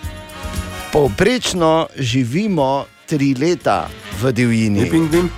Ne. Če ne, vse povsod, samo na Antarktiki ne živijo. Pingvini živijo samo na Antarktiki. Kojn. No, te pač nesrečni pingvini. Ja, to je posebna sorta. Okay. Bo kdo še kaj probo? Ne? Smo različno velike ptice, smo velike od 10 do 24 cm in tehtamo od 10 do 60 gramov. Debeli vrabci. Ne, Različno debeli vrabci. Nehaj. Ne, nobene oprobo nič več. Ja, če ne Aha, upamo. Imamo, imamo kratek, a močan kljun in pravzaprav za svojo velikost fejst zinemo. Pa kura, sigurno. Ne, Neki kos. naj povem samo letimo in ni kos. Lahko tudi uh, hodimo ali tečemo, ampak uh, to počnemo tako hecno, da poskakujemo. Zelo, zelo raje letimo. Ni kos, ker je že Ja, veliki rekla. klun je rekel za svojo velikost. Mali kluni imamo, ampak na Bortice. veliko zinemo. Pa dobro. Kaj si že uhe spuco ti? Pa se to ne moreš verjeti. A, še vedno nič, okay. letimo, imamo posebej, ne, ne, ne. E, vrana. Imamo posebej prilagojena krila, ki smo jih prilagodili e, zaradi našega načina prehranjevanja. Namreč e, moramo seveda e, hitro menjavati smer, leteti nizko, leteti visoko, občasno tudi jadrati. Galeb. A, galeb. Ne, Te pa je golob. ne. Smo ptice selivke. Lastovica. Hvala lepa, Ana. Da si nas rešila. Odsekla Morala sem, slosti, ki predolgo. Ne, predolgo je povedal, nobene. Prav vse. koncu, da se seli jaja. Čisto vse so povezane z lastovkami, kraljica steznega. Hvala lepa, da si rešila to muko. Ja, Predolgo je ja. trajalo, pa je bilo treba zaključiti. Kraljica je stezna, ne, te A, B pa Ne, ker je tezno iz teznega, je pravilno, to sem bil tudi včeraj še enkrat več opozorjen. Strani frasa, ki je doma v Ne, Ljubljani, tako da ne, se malo zberi. strani Ja, no. avtohtone prebivalke tezna. Sem A ne, bil, ki je to prilikovalo iz tezneja, počasi. zakaj zdaj spreminjaš in zmanjšuješ? Ja, no, zdaj? Zmanjšuješ dosežek Ane, ki je bil fenomenalen, čestitke Ana še enkrat več. Bravo, Ana. Hvala. Vsaj dve minuti, imate pa vsi minus, oziroma črno piko, ker je vsaj dve minuti predolgo trajalo. Tako, zdaj pa sinica in zaključimo z mednarodnim dnevom ptic. Dobro Dobro jutro. jutro. In ko listaš danes po naslovih, ne moreš mimo tega o Apple, ne, da je prvo podjetje v zgodovini, ki je vredno več kot 3 trilijone. Skratka, to so neke take številke, ko Ko rečeš, to je tako, ti nekdo reče, ja, najbližja zvezda je toliko pa toliko svetovnih let stran. to- pff, eh, s tem si- Ok, v redu. In to so te to, številke. ne. Ja. V bistvu so sami sebe prehiteli in Ja. to v času korone. Da, Ja, noro. Bravo, res. Noro, ne bi se hvala. so dobili debele božičnice. Vsaj, Ne no. bi se hvala, sem vas malo pomagal. Glej, vidiš, vidiš. Ampak bi pa povedal samo to, da je noro, uh, da je, če pogledaš to zgodbo, ne, 42 let so rabili do prvega trilijona, pol so rabili dve leti do drugega trilijona, in pol so rabili samo 17 mesecev do tretjega trilijona. Tako da po jutrišnjem pričakujemo, da bodo vredni 4 trilijone. Ja, skoraj. Ja. In pa da si lahko, to je, recimo, to je meni skoraj se zulo, ko sem prebral, da si lahko predstavljaš, kako so oni vredni. Apple je tak trenu, ta trenutek vreden toliko kot Walmart, Disney, Netflix, Nike, ExxonMobil, Coca-Cola, Comcast, Morgan Stanley, McDonald's ATT, Goldman Sachs, Boeing, IBM in Ford skupaj. To. Če daš vse te na vago, če daš vse te na vago, je na drugi strani Apple, ki ga prevaga. Kaj si hotel reči, Bor? In vse to ne, zato ker je dan kupo samo en telefon. Prvič v življenju. Si videl, kako pomagam? Pazi, kaj je bilo, če bi še tablico znal ali pa dva. Uh. Ne, to, za to nimam, za telefon sem imel, ker je na obroke. Na obroke jim pomagam. No, vsak mesec malo. Ja, tako, evo, ne. Ja. Zato pa tako rastemo skupaj. Torej, Prosim, pridemo dalje. Vse, kaj je narobe s tem svetom, je, da smo mogli telefone začeti kupovati na obroke. Ne? Te ja, veš, da je šlo vse v šmurac, ja. kot se reče. O, Tine! Tine, dobro jutro. Dobro jutro. O, Dobro Tine, jutro. dobro jutro. A, Tine, zdaj pa res zelo na kratko. Eno, eno kratko, v bistvu dve kratke vprašanje imam. Pa je mimo prišel med deseto in drugo pri vama z Natalijo, kozmetičar Darko, spet Ja, v prejšnjem letu je prišel. res je, prišel. Daj povej mi, kak je v novem letu Darko. E, Je Mogoče vredo se bo drži? s- smešno slišalo, ampak e, še bolj luštne. Resno, pa super. A to pa verjamem. Ampak ti sploh. Seveda. Ampak, no, kaj- jaz ga poznam zaradi Kaj je tega. zanimivega povedal kozmetičar Darko, morda tudi kaj o trendih v novem letu, kaj je treba paziti na svoj vizaž? Ne? Se spomnimo skupaj. In uh, lepo zdrav, uh, kozmetičar, Darko. Zdrav, lovica. Zdrav, Zdrav. zdrav. Glej, sreče, pa zdrav. Ja, hvala, hvala ti. Pa naj bo mehurčka, to pa vladno, na vse več, kaj hočeš povedati. Kak si skočila, si res skočila? Ja, uh, sem, sem, Ja, se hvala sem ti lepa. upravil, Upam, da, si ti, kaj si ti nor stara. upam, da tudi ti. Ti si Upam, res prava tudi- kraljica, stara. A, čuj, veš, kaj je problem? Ne? Problem je, ker zdaj tudi december nas je čist je. Ej, Skoraj smo reči, je. zjebal, naredi, kaj se ti nore, čist nas je zmrdalo, ne, to ti decembr, gledajte pa smo vsi, vsak full staro zgledamo. Stara Ja. meni so trije že rekli, kaj si ti 33, pa sem rekel, kaj si ti nor stari, če sem 31, komaj da ne, se zabavaj, no. Čez me je zmrdal, gledaj, to ti december, malo ja. se moramo vsi skupaj mladiti, ne, zakaj Skup se moramo vzeti, Ja, skup se moramo Mhm, vzeti, pa mhm. pomladiti, pa zakaj bi za neke fuldnare metali vun za neke kreme, pa to Aha. razumeš, ne, čekaj, jaz imam Torej- receptov, veš, imam jaz takih domačih receptov, Domačih stara, ja pa ful, ja pa valjda, gled, en tak je, recimo, sigurno imaš kurkumo doma, ne. Imam kurkumo, ja. Imaš res kurkumo, pa ne samo ja. žeri kurkume, ampak lahko si daš tudi na sebe, gor razumeš, ker je full dobra, ker je kurkuma the best, stara eres. Glej, znaš eh, kurkumo malo, ne eno žličko, pa daš eh, pol žličke eh, kokosovega olja, ne lahko tudi, tudi arganovega, ne arganovega, Imam ne to, to ko se veš, ko se možemo z arganom. Uh, pol pa še daš eno malo uh, žličko jogurta zraven. ne. Aha, torej. Jugoslavami s tem sojenim gaseri, ne navaden jogurt, daj, ne, zato ker eh, rajemo encime iz jogurta, vun, razumeš. A, In pol to zmešamo skupaj, se ful namažemo na Po obrazu, ne. po obrazu, ne, gor. Ja, lahko se tam tudi namažeš, dol, če, češ, ne, če hočeš imeti mlado, pa če se več kaj ti hoče povedati. Uh, pa se pa tam namažeš, pa to tako malo pusti, eh, ne, ne, ne pol ure, da to deluje, ne, da ti vun potegne to, to starost, ne, starina, da gre ven, ne, razumeš. ja. Starosti iz prejšnjega leta. Ja, ne? pol pa, uh, pol pa se s toplo vodo, pa z nekim tonikom gor umina. Ja, dobro. Darko, hvala lepa. Ja, Ja, torej, prosim, da. kurkuma, jogurt, pa olje kokosovo, recimo, Točno ne, tako, ne. ali arganovo, kaj si že Kaj izpostavil. češ, ne, kaj ti je bolj paše? Ja, hvala. Komaj čakam, da spet prideš za kakšnim koristnim nasvetom. Jaz tu stara. In seveda bomo mi takoj tu zraven, da vas spomnimo, sicer pa kozmetičar Darko pride mimo, eh, tu pa tam med 10 in 14 pri Nataliji in Tinetu. Aha, aha, aha, aha, aha, aha, aha efekt. In v High-Effectu torej Bor odgovarja na zelo zanimivo vprašanje, ki ga je postavil Klemen. In Klemen nas zanima, zakaj se nekateri ne spomnijo noči po popivanju, kaj točno se zgodi v možganih. Torej, Bor.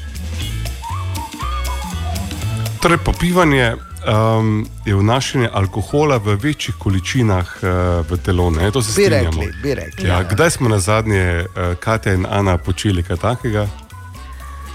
Ja, novo leto je za nami, ne, se ne moremo tajiti. Ampak eh, zmerno, ne, vedno. Ja, ja, ja. Veš. Torej, Zdaj- ni bilo popivanja. Študent, Ni bilo popivanja, ali pa ne. Okay, okay, okay. Tega ne počnemo.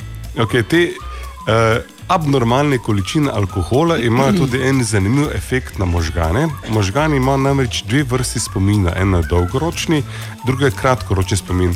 In pri dolgoročnem spominu nimamo težave zaradi alkohola, tu imamo bolj starostno pogojene ali pa koncentracijsko in tako naprej. Pri tem kratkoročnem spominu je alkohol vpliva na žilčne končice, končiče tako, da komunikacijo med njimi upočasni. In to včasih do te mere, da je normalna aktivnost tega kratkoročnega spomina tako zavirana, da se absolutno ne spomnimo. Uh, popularno temu rečemo blackout na poštni, so pa tudi drugi strokovni izrazi.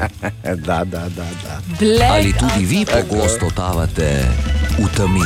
Aha, efekt, da boste vedeli več. In tudi danes zjutraj je z nami naš primo novinar Matej Šoba. Matej, dobro jutro. Dobro jutro. Dobro Dobro jutro. jutro. Dobro. Veš, kaj je eno vprašanje? Po mojem, mm -hmm. se marsikdo sprašuje, pa marsikomu lahko pomagamo. Recimo, nikoli ne veš, kdaj se bo Bor tretjič poročil, recimo, ne? kdaj se bo Katja prvič. Ali bo to možno v Rotovžu ponovno, kot nekoč, ne, ko so si lamali eh, komolce in trtice, ko so na rižu po teh betonskih štengah dol padali. Ja, no, ja, no. Kaj pa vem, no, no, ampak eh, zgleda, da bi lahko postalo to možno, kajti dobro, ni neka novica, da bo Maribor obnavljal Rotoški trg z novo knjižnico, oziroma drugače rečeno, či, čisto novim eh, multikulturnim centrom, v katerem bo več kot samo knjižnica. No, ampak zdaj, potem ko je ta pogodba podpisana, eh, je skozi, rekel tako, stranska vrata se prikradla še obnova torej te najbolj, ene najbolj znamenitih stavb v Mariboru, to je mestna hiša Rotoš. Ja. In sicer je občina namreč razpisala tudi obnovo rotoškega stolpa, pa poročne dvorane in teh prostorov, ki so nujno potrebni obnove, pravijo, urgentna prenova oziroma obnova bo teh prostorov, ki so torej nekako bolj protokolarne narave, tudi sam balkon naj bi obnovili, ta balkon, ki nosi tudi tako zanimivo zgodovino. Tako da, ja, dejan. Ob obnovi celotnega rotovskega trga in knjižnice in novih prostorov za med drugim tudi mestni kino in vse ostalo, kar bo sodilo tam zraven, naj bi tudi uh, ta fasada oziroma to pročelje, ki gleda na glavni trg, ki je seveda eno izmed mm. prioritetnih uh, žarišč Maribora uh, po uh, mestnem vodstvu, uh, dobilo seveda nov izgled uh, in ja, uh, lepe poroke znajo biti tam. No, pa tudi pravim. In mogoče bi uspešne. Ja, veš, pa mogoče bi kar tunel tam do bližnjega hotela naredili pol v kuhno.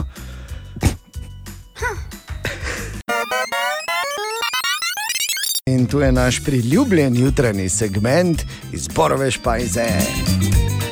Torej, Je, eh, bor, je, to. Vedeli smo, ja, vedeli smo, da bo prišla špajza, ki bo um, Kaj ne delaš? resna. Ne? Kaj pa delaš? ti? Bom razložil takoj. Vedeli smo, da bo prišla in danes je ta dan. Torej, jaz sem za božička dobil tudi eno darilo. Res, si bil ki, je v bistvu, ja, ki so v bistvu samo so dve kocki. Ne? Ampak za razliko od običajnih kock, kjer gori uh, pač, uh, imaš številke. Ne? Naj te ustavim, to niso one kocke, ki so zate in za tvojo ženo, ko sta sama. Ja, ne vem, če je to za ženo. če. Sem Jaz mislim za Katijo, pa za Ano, dvakrat vreče, da A vidim. celo tako? Ko? Potem pa še za tebe, ne? Ok, Anči, Ti bom jaz dala Anči. dobo sem uh, vprašaj pa objem. Je ok, dobro. Kdaj bo spet? Ne, Strani Ne, Ane, kdaj? strani Ane en vprašljiv objem. Vredo, dobro, ne boljše sprašuj. kot nič, ne? Ja. Da ne boš rekel, Katja, Marička je od danes naprej. Ne, ne, ne, ne, ne, ne, ne, ne. Katja. Marička, Marička. Ne, pa, pardon, Marička. Ja. Ja. Katja, poljub na vrat. Marička. Se mi zdi med sodelavci nekaj, kar premalo pogosto Kar se ne počne, ne. Ne, gledaj, roko na srce. Ne? Okay, strah, Veliki ne, finale še dejan. Oh, jaz sem pa kar malo razočaran. Ja, kaj je? Samo vrat. Pest pa nos. Vratna masaža, mislim, masaža. masaža vrata. pardon. Masaža. Ja. Ker tu gori več, Je lahko- dosti več organov je navedenih, zanimivih kot pa vrat. Ja, lahko Kdo koga masira, te- mene zanima. Te lahko z nogo zmasiram? Ja, to ne piše ne, pa piše vrat. ne. Veš kaj, ker pravijo, ne, da doljo čagi dosti ga reši.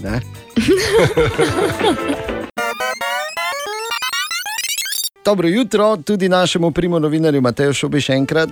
Dobro jutro, že Dobro jutro, Matej. Matej, zdaj pa tako, glej, toliko smo ja. že pogledali, mm. kaj vse se bo dogajalo v letu 2022, ja. vemo film, mm. futbal, š, mislim šport nasploh in to. In ostalo ja. je praktično samo še eno vprašanje na mizi. Ali v letu 2022 vesolje bo? Jaz se enkrat dobro kaže, da bo. O, no, super. Aleluja. Ja, naprej napovem, kaj vse se bo dogajalo na področju tega, eh, kar zadeva zanimivih recimo, dogodkov. Eh, Tistih za tudi recimo, malo manj eh, poučene, tako neke hobi astronome. Recimo maja, sredi maja bo viden popoln lunin mrk. In pa oktobra delni sončev mrk, eh, to recimo taki dve najbolj upadljivi stvari, ki jo bo možno s teleskopi ali pa tudi drugače opazovati. Drugače pa na področju raziskovanja seveda je glavna novica v zadnjih tednih eh, teleskop James Webb, ki bo eh, konec tega meseca potem, mislim, da popolnoma opravilen in pa zanimiv. Eh, Projekt, eh, ki sta ga eh, zasnovali skupaj, ameriška in evropska vesoljska agencija, torej NASA in ESA, ki pošiljata. To je zanimiva stvar, namreč proti asteroidu Sondo, ki naj bi trčila v asteroid in spremenila pot asteroidu. Podrobneje pa no pa mariborski strokovnjak na tem področju, profesor Živerna iz Filozofske fakultete. Zanimiv je tudi projekt DART, eh, NASA in ESA, ne, torej sta eh, izstrelili proti dvojnemu asteroidu Dimorphos, Didymos, eh, eno sondo. Eh, ta sonda bo do tja prispela med 26. septembrom in 2. oktobrom. Ne, in kaj je pravzaprav eh, cilj eh, te sonde? Eh, ta sonda želi z trkom, ta sonda ima maso tam eh, nekaj čez 600 kg, se bo s hitrostjo tam okoli dobrih 6 km na sekundo zaletela v manjšega od teh dveh asteroidov, torej v Dimorphosa, in uh, ugotavljala, ali bo ta trk povzročil kakšno spremembo hitrosti oziroma spremembo orbite tega asteroida. Na ta način želijo namreč testirati, ali bi lahko podobne tehnike uporabili kot zaščito pred morebitnimi trki teh manjših asteroidov z našim planetom. Ja, in ni prvič, da Hollywood napoveduje prihodnost. Ja, ampak ali se tudi zavedajo nekih občih resnic, kot je tista, da en kamenček lahko sproži velik plas? Recimo. Veš, tu malo spremeniš tirnico. Ta asteroid, pa potem ta asteroid v malo večji Ja, asteroid. pa pol ne, tak, pa ono, pa tisto, pa v tretje. Tako. Dobro, Zakaj se ne vem. naju ne vpraša. Da? Ja, mislim, samo nekaj po svoje delajo, pa toliko denara, ko bi lahko mi dva dosti koristne to ne preračunali. Film bi lahko posnela, imam tudi naslov, že moče Don't Look Up, ali kdaj ga čakaj. Prepozno. Želimo dobro jutro. Dobro Dobro jutro. Tako, danes je že četrtek, 6. januar, in še ena novica je, ki verjetno zasenči vse. Tudi, recimo, Džokovičevo dramo v, v Avstraliji. In sicer se spomniš pred časom, eh, Katja, si mislim, da ti poročala to v Webčeku, da je ena, ki flašira oziroma daje v kozarec svoje vetrove mm -hmm. in jih na to prodaja. Ja, se spomnim, kako bi lahko no, pozabila. No, ta podjetnica, to je ta novica namreč, ne, ta podjetnica je zdaj pristala celo v bolnici, Zakaj? ker je preveč nasilo želela izločati svoje vetrove. Joj. Uh. Ja, ni vsak za vse, ne, to je prvo. In druga, drugi nauk te zgodbe. Drugi nauk te zgodbe je, da je preveč dobrega lahko slabo. Želimo dobro jutro. Dobro jutro. Dobro jutro. Danes je 6. januar in to pomeni, da smo praktično slab mesec pred začetkom zimskih olimpijskih iger na Kitajskem. Te se začnejo 4. februarja, od 4. do 20. trajajo, dobro dva tedna. Torej. Zato je skrajni čas, da pogledamo, kaj se dogaja na Kitajskem. In če lahko kaj z gotovostjo trdimo na Kitajskem ta trenutek, Bor, tebe bi verjetno zaprli. Ne? To je menda dejstvo. Po- Ne to, poslušaj ta glas, poslušaj ta nahod, poslušaj to, ko se ne premakne nikamor na kitajskem, bor ta trenutek. Ti moraš vedeti, da je tam se tako zelo trudijo, da bi eh, imeli ta, ker imajo to ničelno toleranco do COVID-a. ne, In glede na to, da prihaja Lunino novo leto. Ravno oni, ne? Ja, ravno oni. Ja. Eh, In prihaja Lunino novo leto, in še huje, zimske olimpijske igre, ki jih na vsak način želijo organizirati, Mhm. ker so rekli, da bojo. In to je za Kitajce najslabše, da če nekaj reče, da bo, pol pa ne. Ja. Mislim, na globalni ravni, drugače ne vem, kak je znotraj družine, to bi bolj vedel. Ne, ampak eh, brez heca, tam je že od konca decembra v karanteni celo mesto Šijan, v katerem živi 13 milijonov ljudi. In vsi so v karanteni, vsi morajo biti doma. Od začetka so dovolili enemu članu družine, da je na dva dni šel v trgovino kupiti najnujnejše, no, zdaj pa niti to več ne, zdaj pa morajo vsi biti doma. In vladni uslužbenci, prihajajo in uh, jim prinašajo hrano in vse nujno, kaj rabijo. In seveda se pritožujejo, da imajo vsega premalo. In se je zanimiva, zanimiv posnetek se je pojavil tudi, ko recimo en zamenja novi Nintendo Switch za, za paket nudlov, pa dve žemljici. Ne. Ja, taka sila je celo tam. Ampak so rekli, ne, ni šance, ne, mi imamo uh, nič COVID-a in taka država želimo ostati.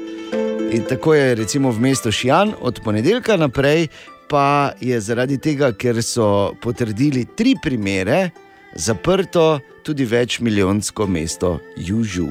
Tako da, Prav, prav lepo no, zdaj bo. se mi smilijo, bom rekla, čeprav. Prav lepo bo na kitajskem. Ja. Ne bo? Ja. Če imaš močaj, včasih malo drugače razmišljati, meni se smilijo države, ker tega niso sposobni narediti. Ja, sem vseeno ne hodi na kitajsko, bor tako zgledaš, prosim, lepo, pa zveniš. Ker bo še Slovenija zaprta. Ja, ker nas bojo Kitajci, veš, kaj smo, če oni zaprejo mesto, mesto s 13 milijoni, tak, veš, kaj naredijo z nami, ne? pokrijejo nas z robčkom. Ja, saj to, ja. Tudi danes zjutraj listamo po zanimivih naslovih. Dobro jutro, mimo grede. Dobro jutro. Dobro jutro. Uh, in uh, tu, je, tu je še en pravzaprav zgodovinsko dejstvo. No? Takole piše, da so let, na današnji dan leta 1848 v Novem mestu prvič uprizorili Linhartovo ta veseli dan ali Matiček se ženi. S to preprosto mislijo, toliko je že odborove prve poroke. Web, web, web, web check. Torej, dobro jutro, Katja. Dobro jutro. Dobro jutro. Jutro. Pri Meti so naredili rokavice, s pomočjo katerih lahko dejansko čutiš stvari v metaversu. Noro. Ok, preden gremo dalje, primeti, ni gostilna tukaj doli. Eh, to je Facebook naprej, po ne. novem, ne, pa Tako, to vemo. to Bor. smo zdaj že No, toliko ja, vemo, ampak tako zini to, primeti. Kje si bil? Ja, primeti. Naj samo povem, da take rokavice poznamo že od nekdaj v Realversu in sicer jim rečemo koža. Ja. Mimo grede, pri Nvidiji so štartali že tudi Omniverse, tako da toliko o tem, teh versov bo kar nekaj. Samo povem. Preveč, že zdaj. Ja. Okay. 70% denarja, ki ga je zaslužil film Matrica, bo šel za raziskave za eh, raka. Lepo. Viš to, tudi dobrodelni.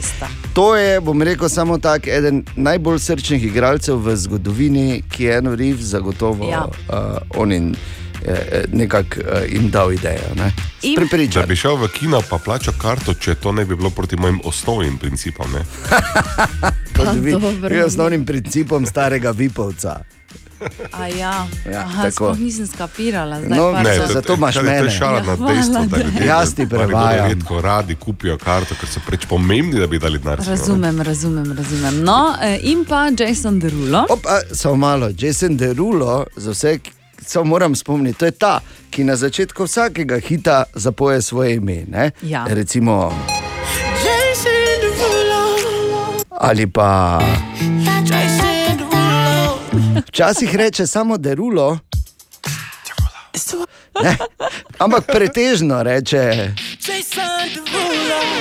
Okay, dobro. Ja, no, točno ta, Jason Derulo, je bil aretiran. Daj nehaj. Ja. Aretiran. Ja. In ziger, Ziger, ko so prišli polici, policisti do njega, pa so rekli, je hoh, pa to, kako že rečejo. Ne? Lay on the ground. What, what's your name? Pa je rekel, Jason Derulo. Zagotovo je tako bilo. Ja.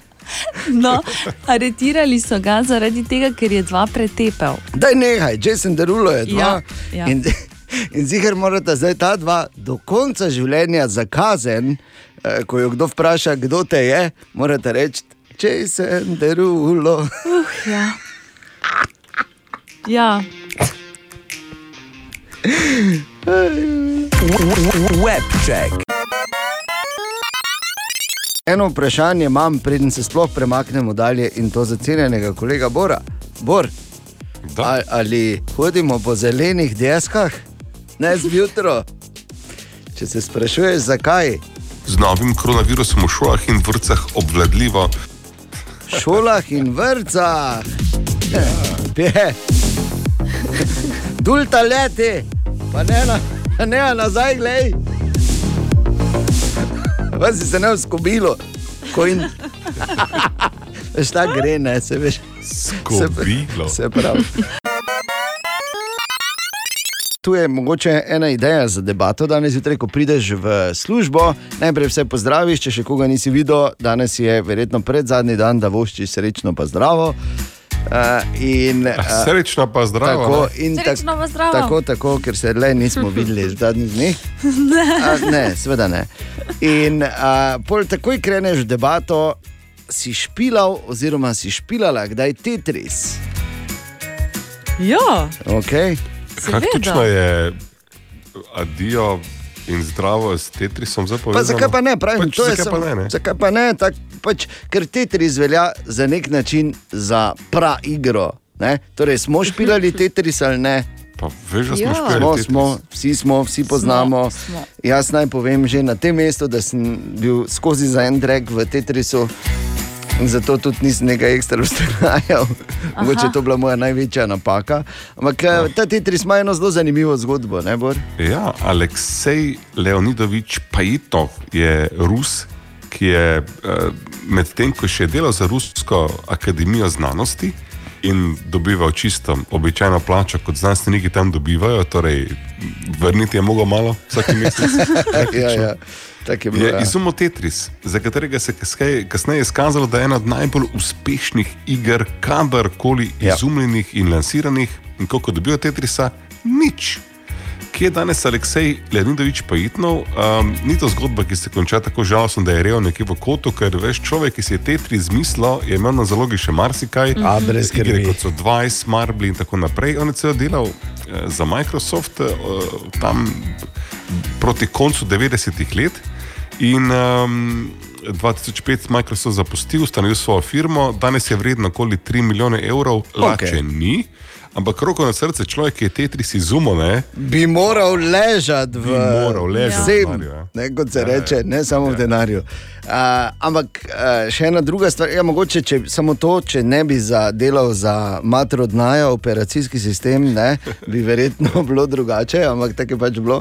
Uh, ampak kar je pa zanimivo, da je Tetris v, sploh v času uh, COVID-a dobil, ta, oziroma doživ, doživel ali pa doživlja svoj revival, mnogi ga igrajo. In eh, če razmišljaš, ali bi ali ne bi, naj samo povem, da tudi psihoterapeuti razlagajo, da je v bistvu na nek način eh, katarzična oziroma, oziroma terapevtska igra Tetris, kaj ti nekaj je simboličnega v tem, ko na tebe letijo stvari. Ti pa jih eh, obračaš in zlagaš, in na nek način zmaguješ, oziroma na tak način prideš dalje, da naj bi bila tu ena simbolika soočanja s problemi.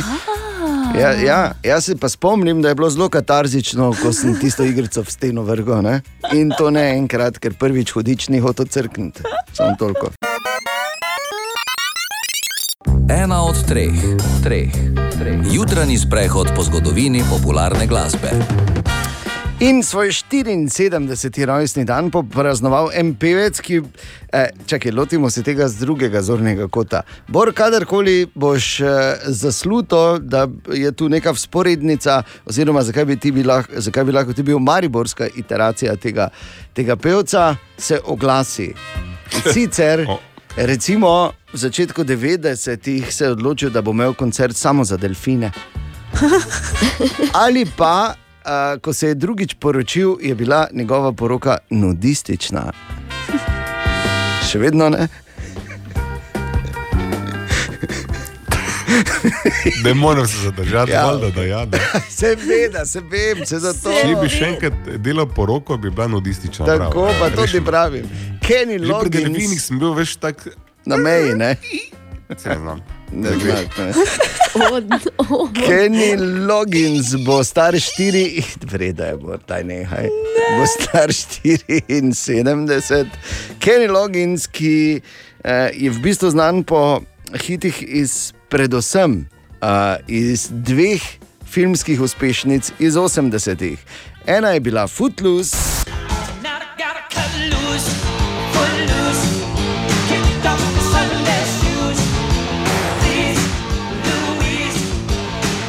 Druga pa, ko so sicer, um, tako bomo rekli, eh, delno igrali odbojko na Milki.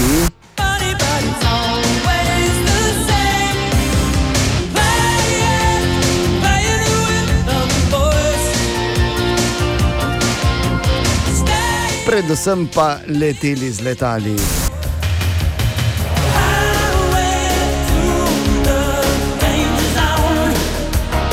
Iz filma Top Gun, seveda Kenny Loggins in njegovi soundtrack iz 80-ih, legendarni. In to je bilo bolj ali manj to, no, razen koncerta za delfine in da se rad nagi ženo.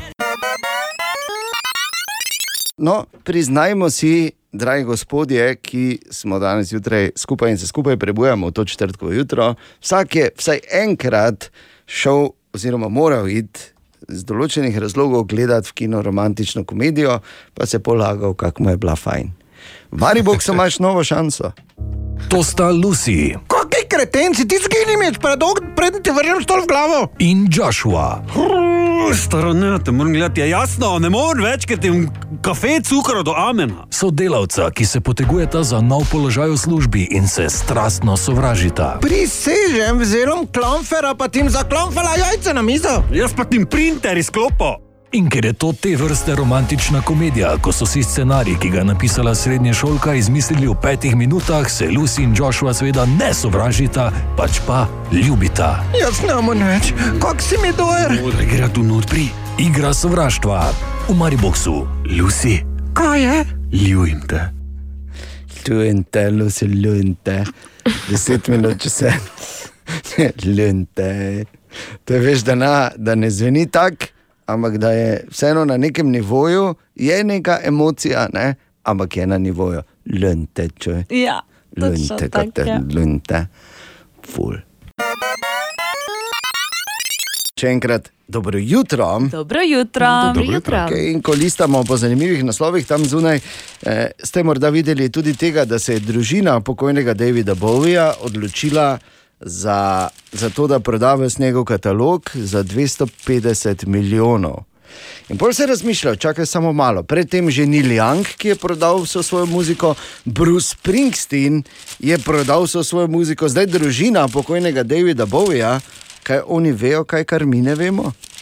Ali bomo vsi oglušili, v kratkem, ali več ne bo muzike, ali bo Marki Boj v metaversu vse vrgel na kup, polil z benzinom in zažgal. Lahko pa samo pač preprosto gre za staro kapitalistično navado, mauzi ga, dokler ga lahko. 15 minut, če sedmo, pa se ne rajmo sekirati, to sem samo hotel povedati. Ne? Želimo dobro jutro. Dobro jutro. In tako kot pri vseh stvarih, in tako kot nas učijo v eni posebni seriji filmov, obstaja tudi vprašanje, ki bo končalo vsa vprašanja. One ring to rule them all. Negli isto. One No? to bind them in darkness Ja, ja, ja, tako to, to, to.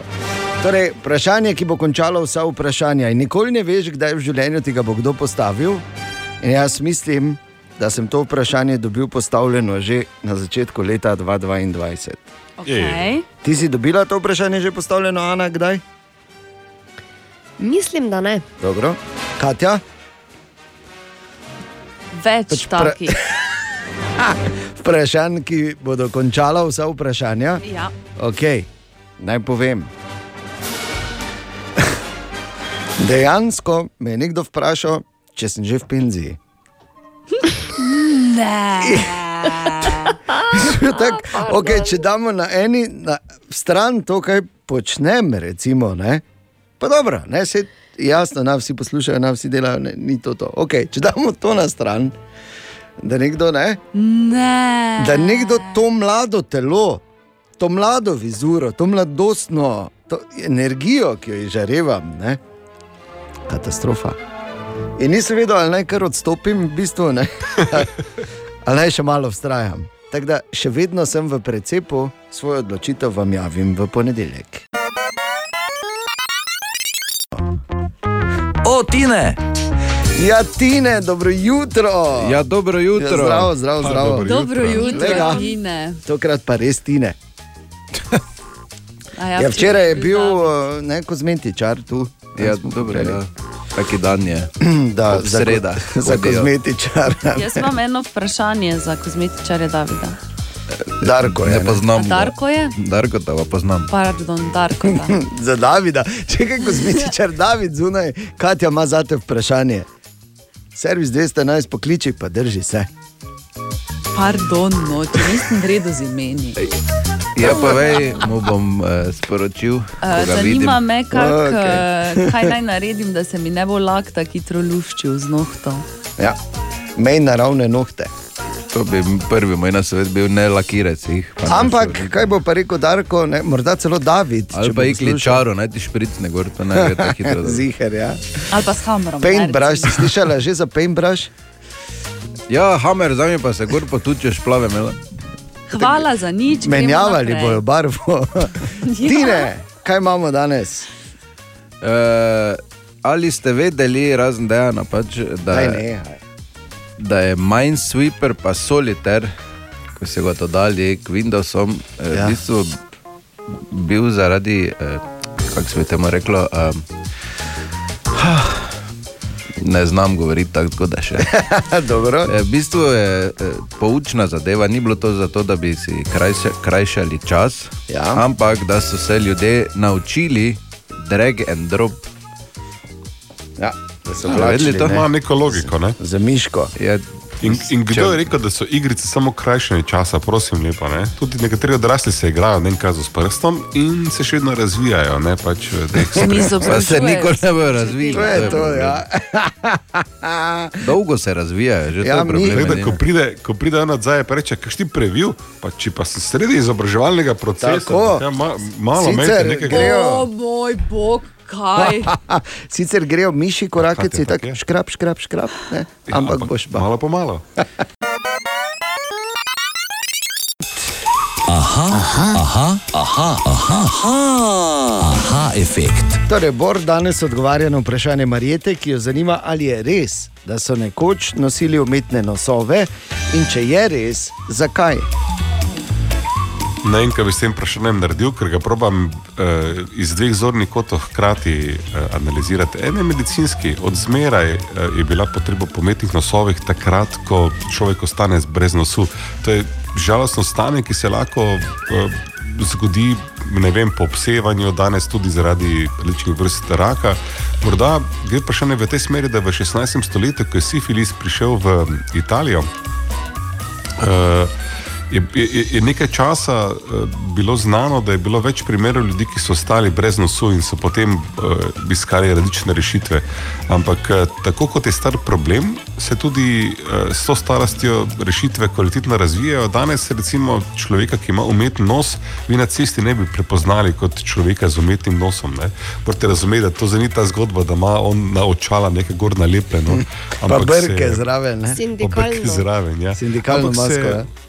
ja, ampak se v nosno votlino, ker recimo ravno pri sifilitičnem eh, problemu, ki so ga imeli eh, v Italiji v 17. stoletju, najbolj izraženega, se je ta most nosu povsem porušil in je bila pravzaprav luknja v obrazu. Ne? In takrat so gor še lepili, danes pa se uh, z titranovimi vsadki potem uh, nos lahko uh, pritrdi in je ta proteza Stalno gor naredi. permanentna. Lepa. To je zdaj ena linija tega vprašanja. Druga je pa ta, seveda, ne, ali so ljudje imeli umetne nosove z očali in brki, valjda, od zmeraj. O, ja. Običajno tam nekje do desetih, pol enajstih, pol so pa maske padle, kot se reče. Ne? Ali tudi vi pogosto totavate v temi? Aha, efekt, da boste vedeli več. Tokrat moramo spet pogledati gor. Tu je naša rešiteljica Katja. Ne samo v ponedeljkih, dobro jutro. Ja. Ne samo v ponedeljkih, ko nam, nam reši teden, ko nam pove, kakšen bo naš horoskop in kaj se nam bo dogajalo v tednu, ki je pred nami, ampak tokrat tudi v petek, ko bo reševala mesec, mesec januar, ki velja za mnoge uh, ed, kot eden najbolj depresivnih mesecev. Ne? Res je. Ja, če pa je dejansko dokazano, tudi najbolj depresiven dan v letu je v mesecu januarju. Tako da, no, Katja, ampak so dnevi v januarju, pa je, ko se zvezde zložijo. Tako. Lih prav, lih prav. 13. Ne? 13. se zloži. Ne, žal se 13. ne zloži. Ko ima Ana rojstni dan, mimo grede. Ne? Probala Se je- Ne, žal Ana. 20. ne, Ne plače? tudi 20. Ne. Zložilo se je recimo že 1., 2., 3. in tudi 4. januarja. Dobro, to, to smo bi- zamudili, to ampak, smo zamudili, ja. ampak jaz sem bil ful zložen, te dni se spomnim. Verjamem. Ampak razlog je bil, ker sem ponočeval na Silvestrovo. Ampak verjetno to ni stvar, o kateri govoriš. Ne, ne, res ni. Uh, srečni dnevi, ki pa še prihajajo, pa so recimo 18. januar. Takrat se konča retrogradni Merkur. Pa to. Zato se bo sprostila vsa negativna energija, ki se je nabrala v nas, in od tega dne naprej bodo mnogi pozabili na preteklost in se zazrli v prihodnost. Wow. Torej se pravi, wow. ko se konča retrogradni Merkur, se začne influenčni obi. Ali to ni isto? Ne. Bauhaus? Ne. Ne. Tud, a ne, okay. Ne. Kaj? Druge planete prehaja. Ne? Potem 24. januarja, takrat Mars prestopi v znamenje Kozoroga. Okay. In zaradi tega prestopa bo cvetel predvsem finančni sektor. Mars v Kozorogu namreč ustvarja odlične pogoje za delo in sprejemanje pomembnih odločitev. Noro, bor, to ma, mi dva spet ne. Se menila, kaj bi lahko, pa nikoli ne uma. Pa bo ta maile dobivala, potem ne. Ja. 29. januar, takrat je konec retrogradne Venere in zaradi tega nas bo pričela obdati romantična in pozitivna energija. Mnogi izmed nas. Oziroma, vas bodo postali veliko bolj produktivni, ne samo 29. januarja, ampak jih bo ta produktivnost spremljala čez celotno leto. Noro. Pa še en srečen Še dan. en? Še en, 30. januar. Takrat pa bomo lahko občutili močno lunarno energijo, dan bo zato zelo produktiven in eh, mnogi se bodo prav na ta dan posvetili uresničitvi velikih načrtov in ambicij. Noro. 30. januar, že zdaj napovem, tudi doma uresničujem ambicije. Hvala, Katja. Z veseljem, Očitno res ni tako slab januar in še enkrat več se je v naših glavah in planetih, seveda. Želimo dobro jutro. Dobro Dobro jutro. Dobro jutro. Ja, in tudi danes eh, listamo med zanimivimi naslovi, in to nisem mogel verjeti, ko sem videl. In mislim, da sem mogel verjeti, ni zdaj bilo zdaj tako, da oh, sem bil veš. "Ah, ah, ah." Ni Ja, bilo tako. tako, okay, okay. ni bilo tako tako. si lahko pri večini novic. Ne, ne, ni bilo tako mirno. Uh, ampak vseeno si mislil, oglej, viš, to pa je poteza. Namreč eh, legendarna italijanska pevka Džana Nini se je odločila, da bo uh, kandidirala za predsednico Italije na naslednjih volitvah. Zdaj, Džana Nini, če spremljaš futbal eh, in si starejši kot eh, ne, se, potem zagotovo se spomniš. Svetovnega prvenstva v Italiji leta 90 in to je bila takrat uradna pesem.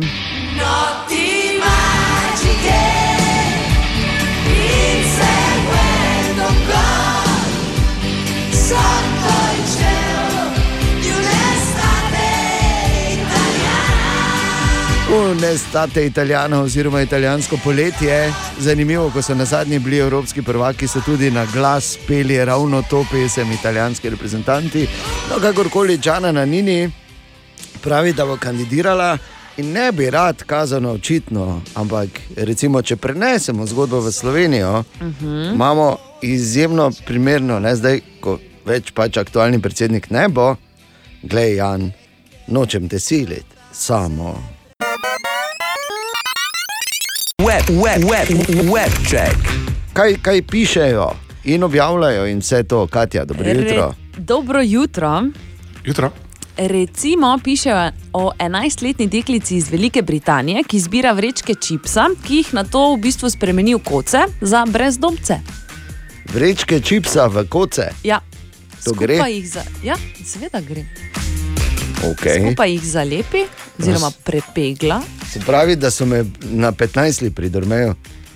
Vse, k- Nekaj imaš še čip živeti, pa si kot se naredi. Okay. Okay. Super, odejo imam res vrhunsko. Zelo verjetno tudi iz kartona, v katerem ta čip pride, ne tistega velikega, ko imajo več pakov, lahko posla narediš. Kar nas, kar, na, kar nas vas spomni, se spomnite vi na to zgodbo, z, kako jaz živim v hiši polni šaljivcev. Ne? Zgodbo z mojo odejo, novo se spomnite? Ne. se spomnite te Ne, zgodbe? a, a. Ko sem pojamral, da bi pač mogoče ne vem, da mi nekaj napaše, pa to ja, pa, jo, pa ti bomo naročili, veš, taka full lahka, neka aloe vera, kaj ta jaz vem kaj, ono, full taki neki toliko, dva km certifikatov, ne vem okay. kaj. Ne, okay, odeja. In jaz dobim to in sem mislil, kako lepo, tako iz prve, wa super. In pol dobim in je super in lahka, a hkrati topla, poleti ne preveč, po zimi, glih prav, skratka, Ja. fenomenalna. Ja. Rečem, jo, kako ste pa to lepo za mene poskrbeli. Da enkrat, spomnim. da enkrat te jaz dobim, ne? Ja. da ste me, da sem jaz na prvo mesto, nekaj se vedno dam na zadnje mesto, se veš, ne veš. Mhm, razumem, Patris familija ja. vedno poskrbi za vse ostale znotraj družine. Samo za sebe. In na koncu, in reče, kako fajn, da ste na mene. No, veš kaj, mi že imamo vsi nove. Zdaj rečem res, in udarec, in pol še poškodba, mislim, eh, žalitev poškodbi, jaz si jih kupil. A ja, lepo. Takrat se je rekel, da okay, jaz živim sitkom. Ja, res je. Ja. Ja, ampak eh, lušna zgodba, Res. vsake dolgo časa se spomnim. Sem jaz praktično z eh, vrečkami čipsa bil pokrit, vsi pa so imeli novo. Lepo. No.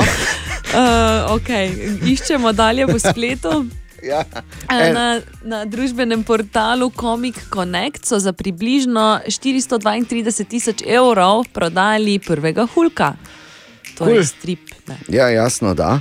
Prvega so prodali, originalnega pa imamo tu, ne? ko se Bruce Banner razkuri, ne? oziroma zbudi. To je to, to je to. To je Čuj ga, to, čuj ga. to. Čujte, hulka. On je verbalni hulk. Okay. Na enega od bolj inovativnih načinov se je lotil iskanja ljubezni, recimo Muhamed Malik, Londončan, ki svojo partnerico išče s pomočjo glasnega panoja, na katerem je njegova slika, zapis Reši me dogovorjenega zakona in uh, tudi njegova spletna stran, na katero se lahko kandidatke prijavijo. Lepo. Kar je recimo podobno kot to, ko iščejo ene, uh, recimo svojega partnerja s pomočjo glasnega panoja, ki je pač njihov obraz. Ok, v redu. In pa knjiga Belo se pere na 90 podira rekorde. Letos je postala najbolj prodajana knjiga založbe Beletrina in pa po romanu bodo posneli tudi film in sicer ga bo režiral Marko Naberšnik. Edino pravilno, Marko, če tako tak se veš, profesori in režiserji še spijo, ampak, eh, dragi Marko, če si po konci, ti želimo dobro jutro, Dobro jutro. in lep dan, Dobro jutro, Marko. pa lepo snemaj. Tako, Poglasi se, kaj ko prideš v Maribor, tvoj pogledat. pridi mimo. In, in ne pozabi, ki so glavni igralci doma. A Ja. Ali pa vsaj statisti. Oj, oj, kako se pa mi ponujemo, res nimamo sramu, Ne. niti malo v tem Ne. letu, niti malo. Webcheck. Še enkrat dobro jutro. Dobro jutro. Dobro jutro. Torej, Freaky Friday. Fri, fri, Friki Friday. Po danes prvič med drugo in šesto uro, torej pri Frasu in Medvarju, novo leto, nove stvari in prva. Taka pri nas je, kot smo napo- napovedovali, v teden Friki Friday, poslej vsak petek med drugo in šesto, ko pravzaprav velja karkoli. Ne? Karkoli in tudi ti, ja, ti lahko sodeluješ, tudi ti, ja, ti. A jaz tudi lahko. Ja, te, razen ti, Aha, in razen ti, okej. Ana, in razen ti, Bor, in razen mi, ki delamo na radiju, ampak ti tam Ah. zunaj, ki poslušaš. Yeah. Ali imaš kaj, kar bi rada slišala, ali imaš koga, ki bi ga posebej pozdravil. Izvoli, ja, ne, ne, ne. Ok, približno tako, ja. Ne, ampak Wow. čisto za res, karkoli velja, karkoli, zato ker je Freaky Friday in je lahko res karkoli, zato brez pritiska, draga Fras in Medvar, brez pritiska, samo pač malo potiskam predloge. Ne?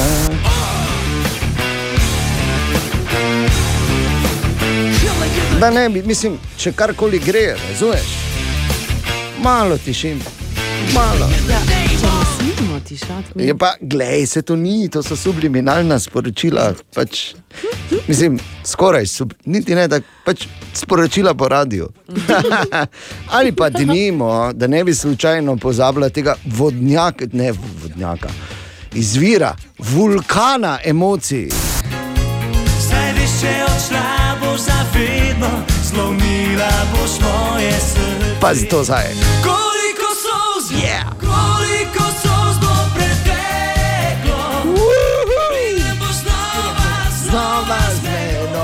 Ni to to, oh.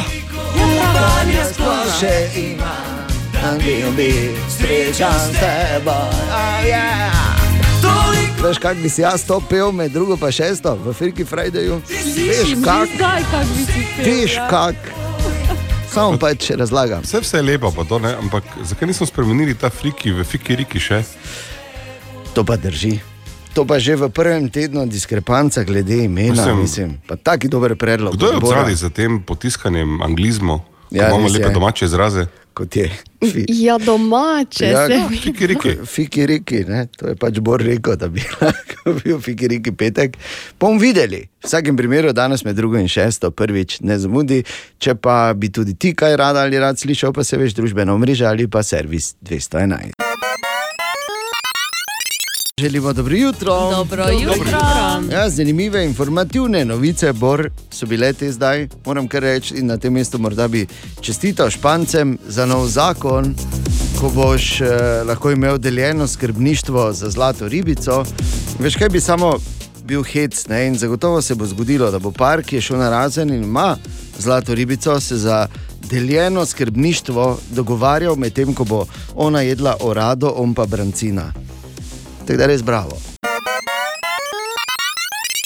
Prvič v letu 2022. Skoraj nemogoče vprašanje. Pozdravljeni. Torej, Opa. aktualna šampionka Katja, zmagovalka zadnjih nekaj zaporednih, eh, skoraj nemogočih vprašanj, večna šampionka Ana, ki je zmagala največ skoraj nemogočih vprašanj, in Bor. Prvi šampion. Vse Ne, to lahko samo Bor. in bo. In Bor. Okay. Danes malo zaostrujemo situacijo v letu 2022. Ja. Po novem ima vsak samo največ pet poskusov. Tako.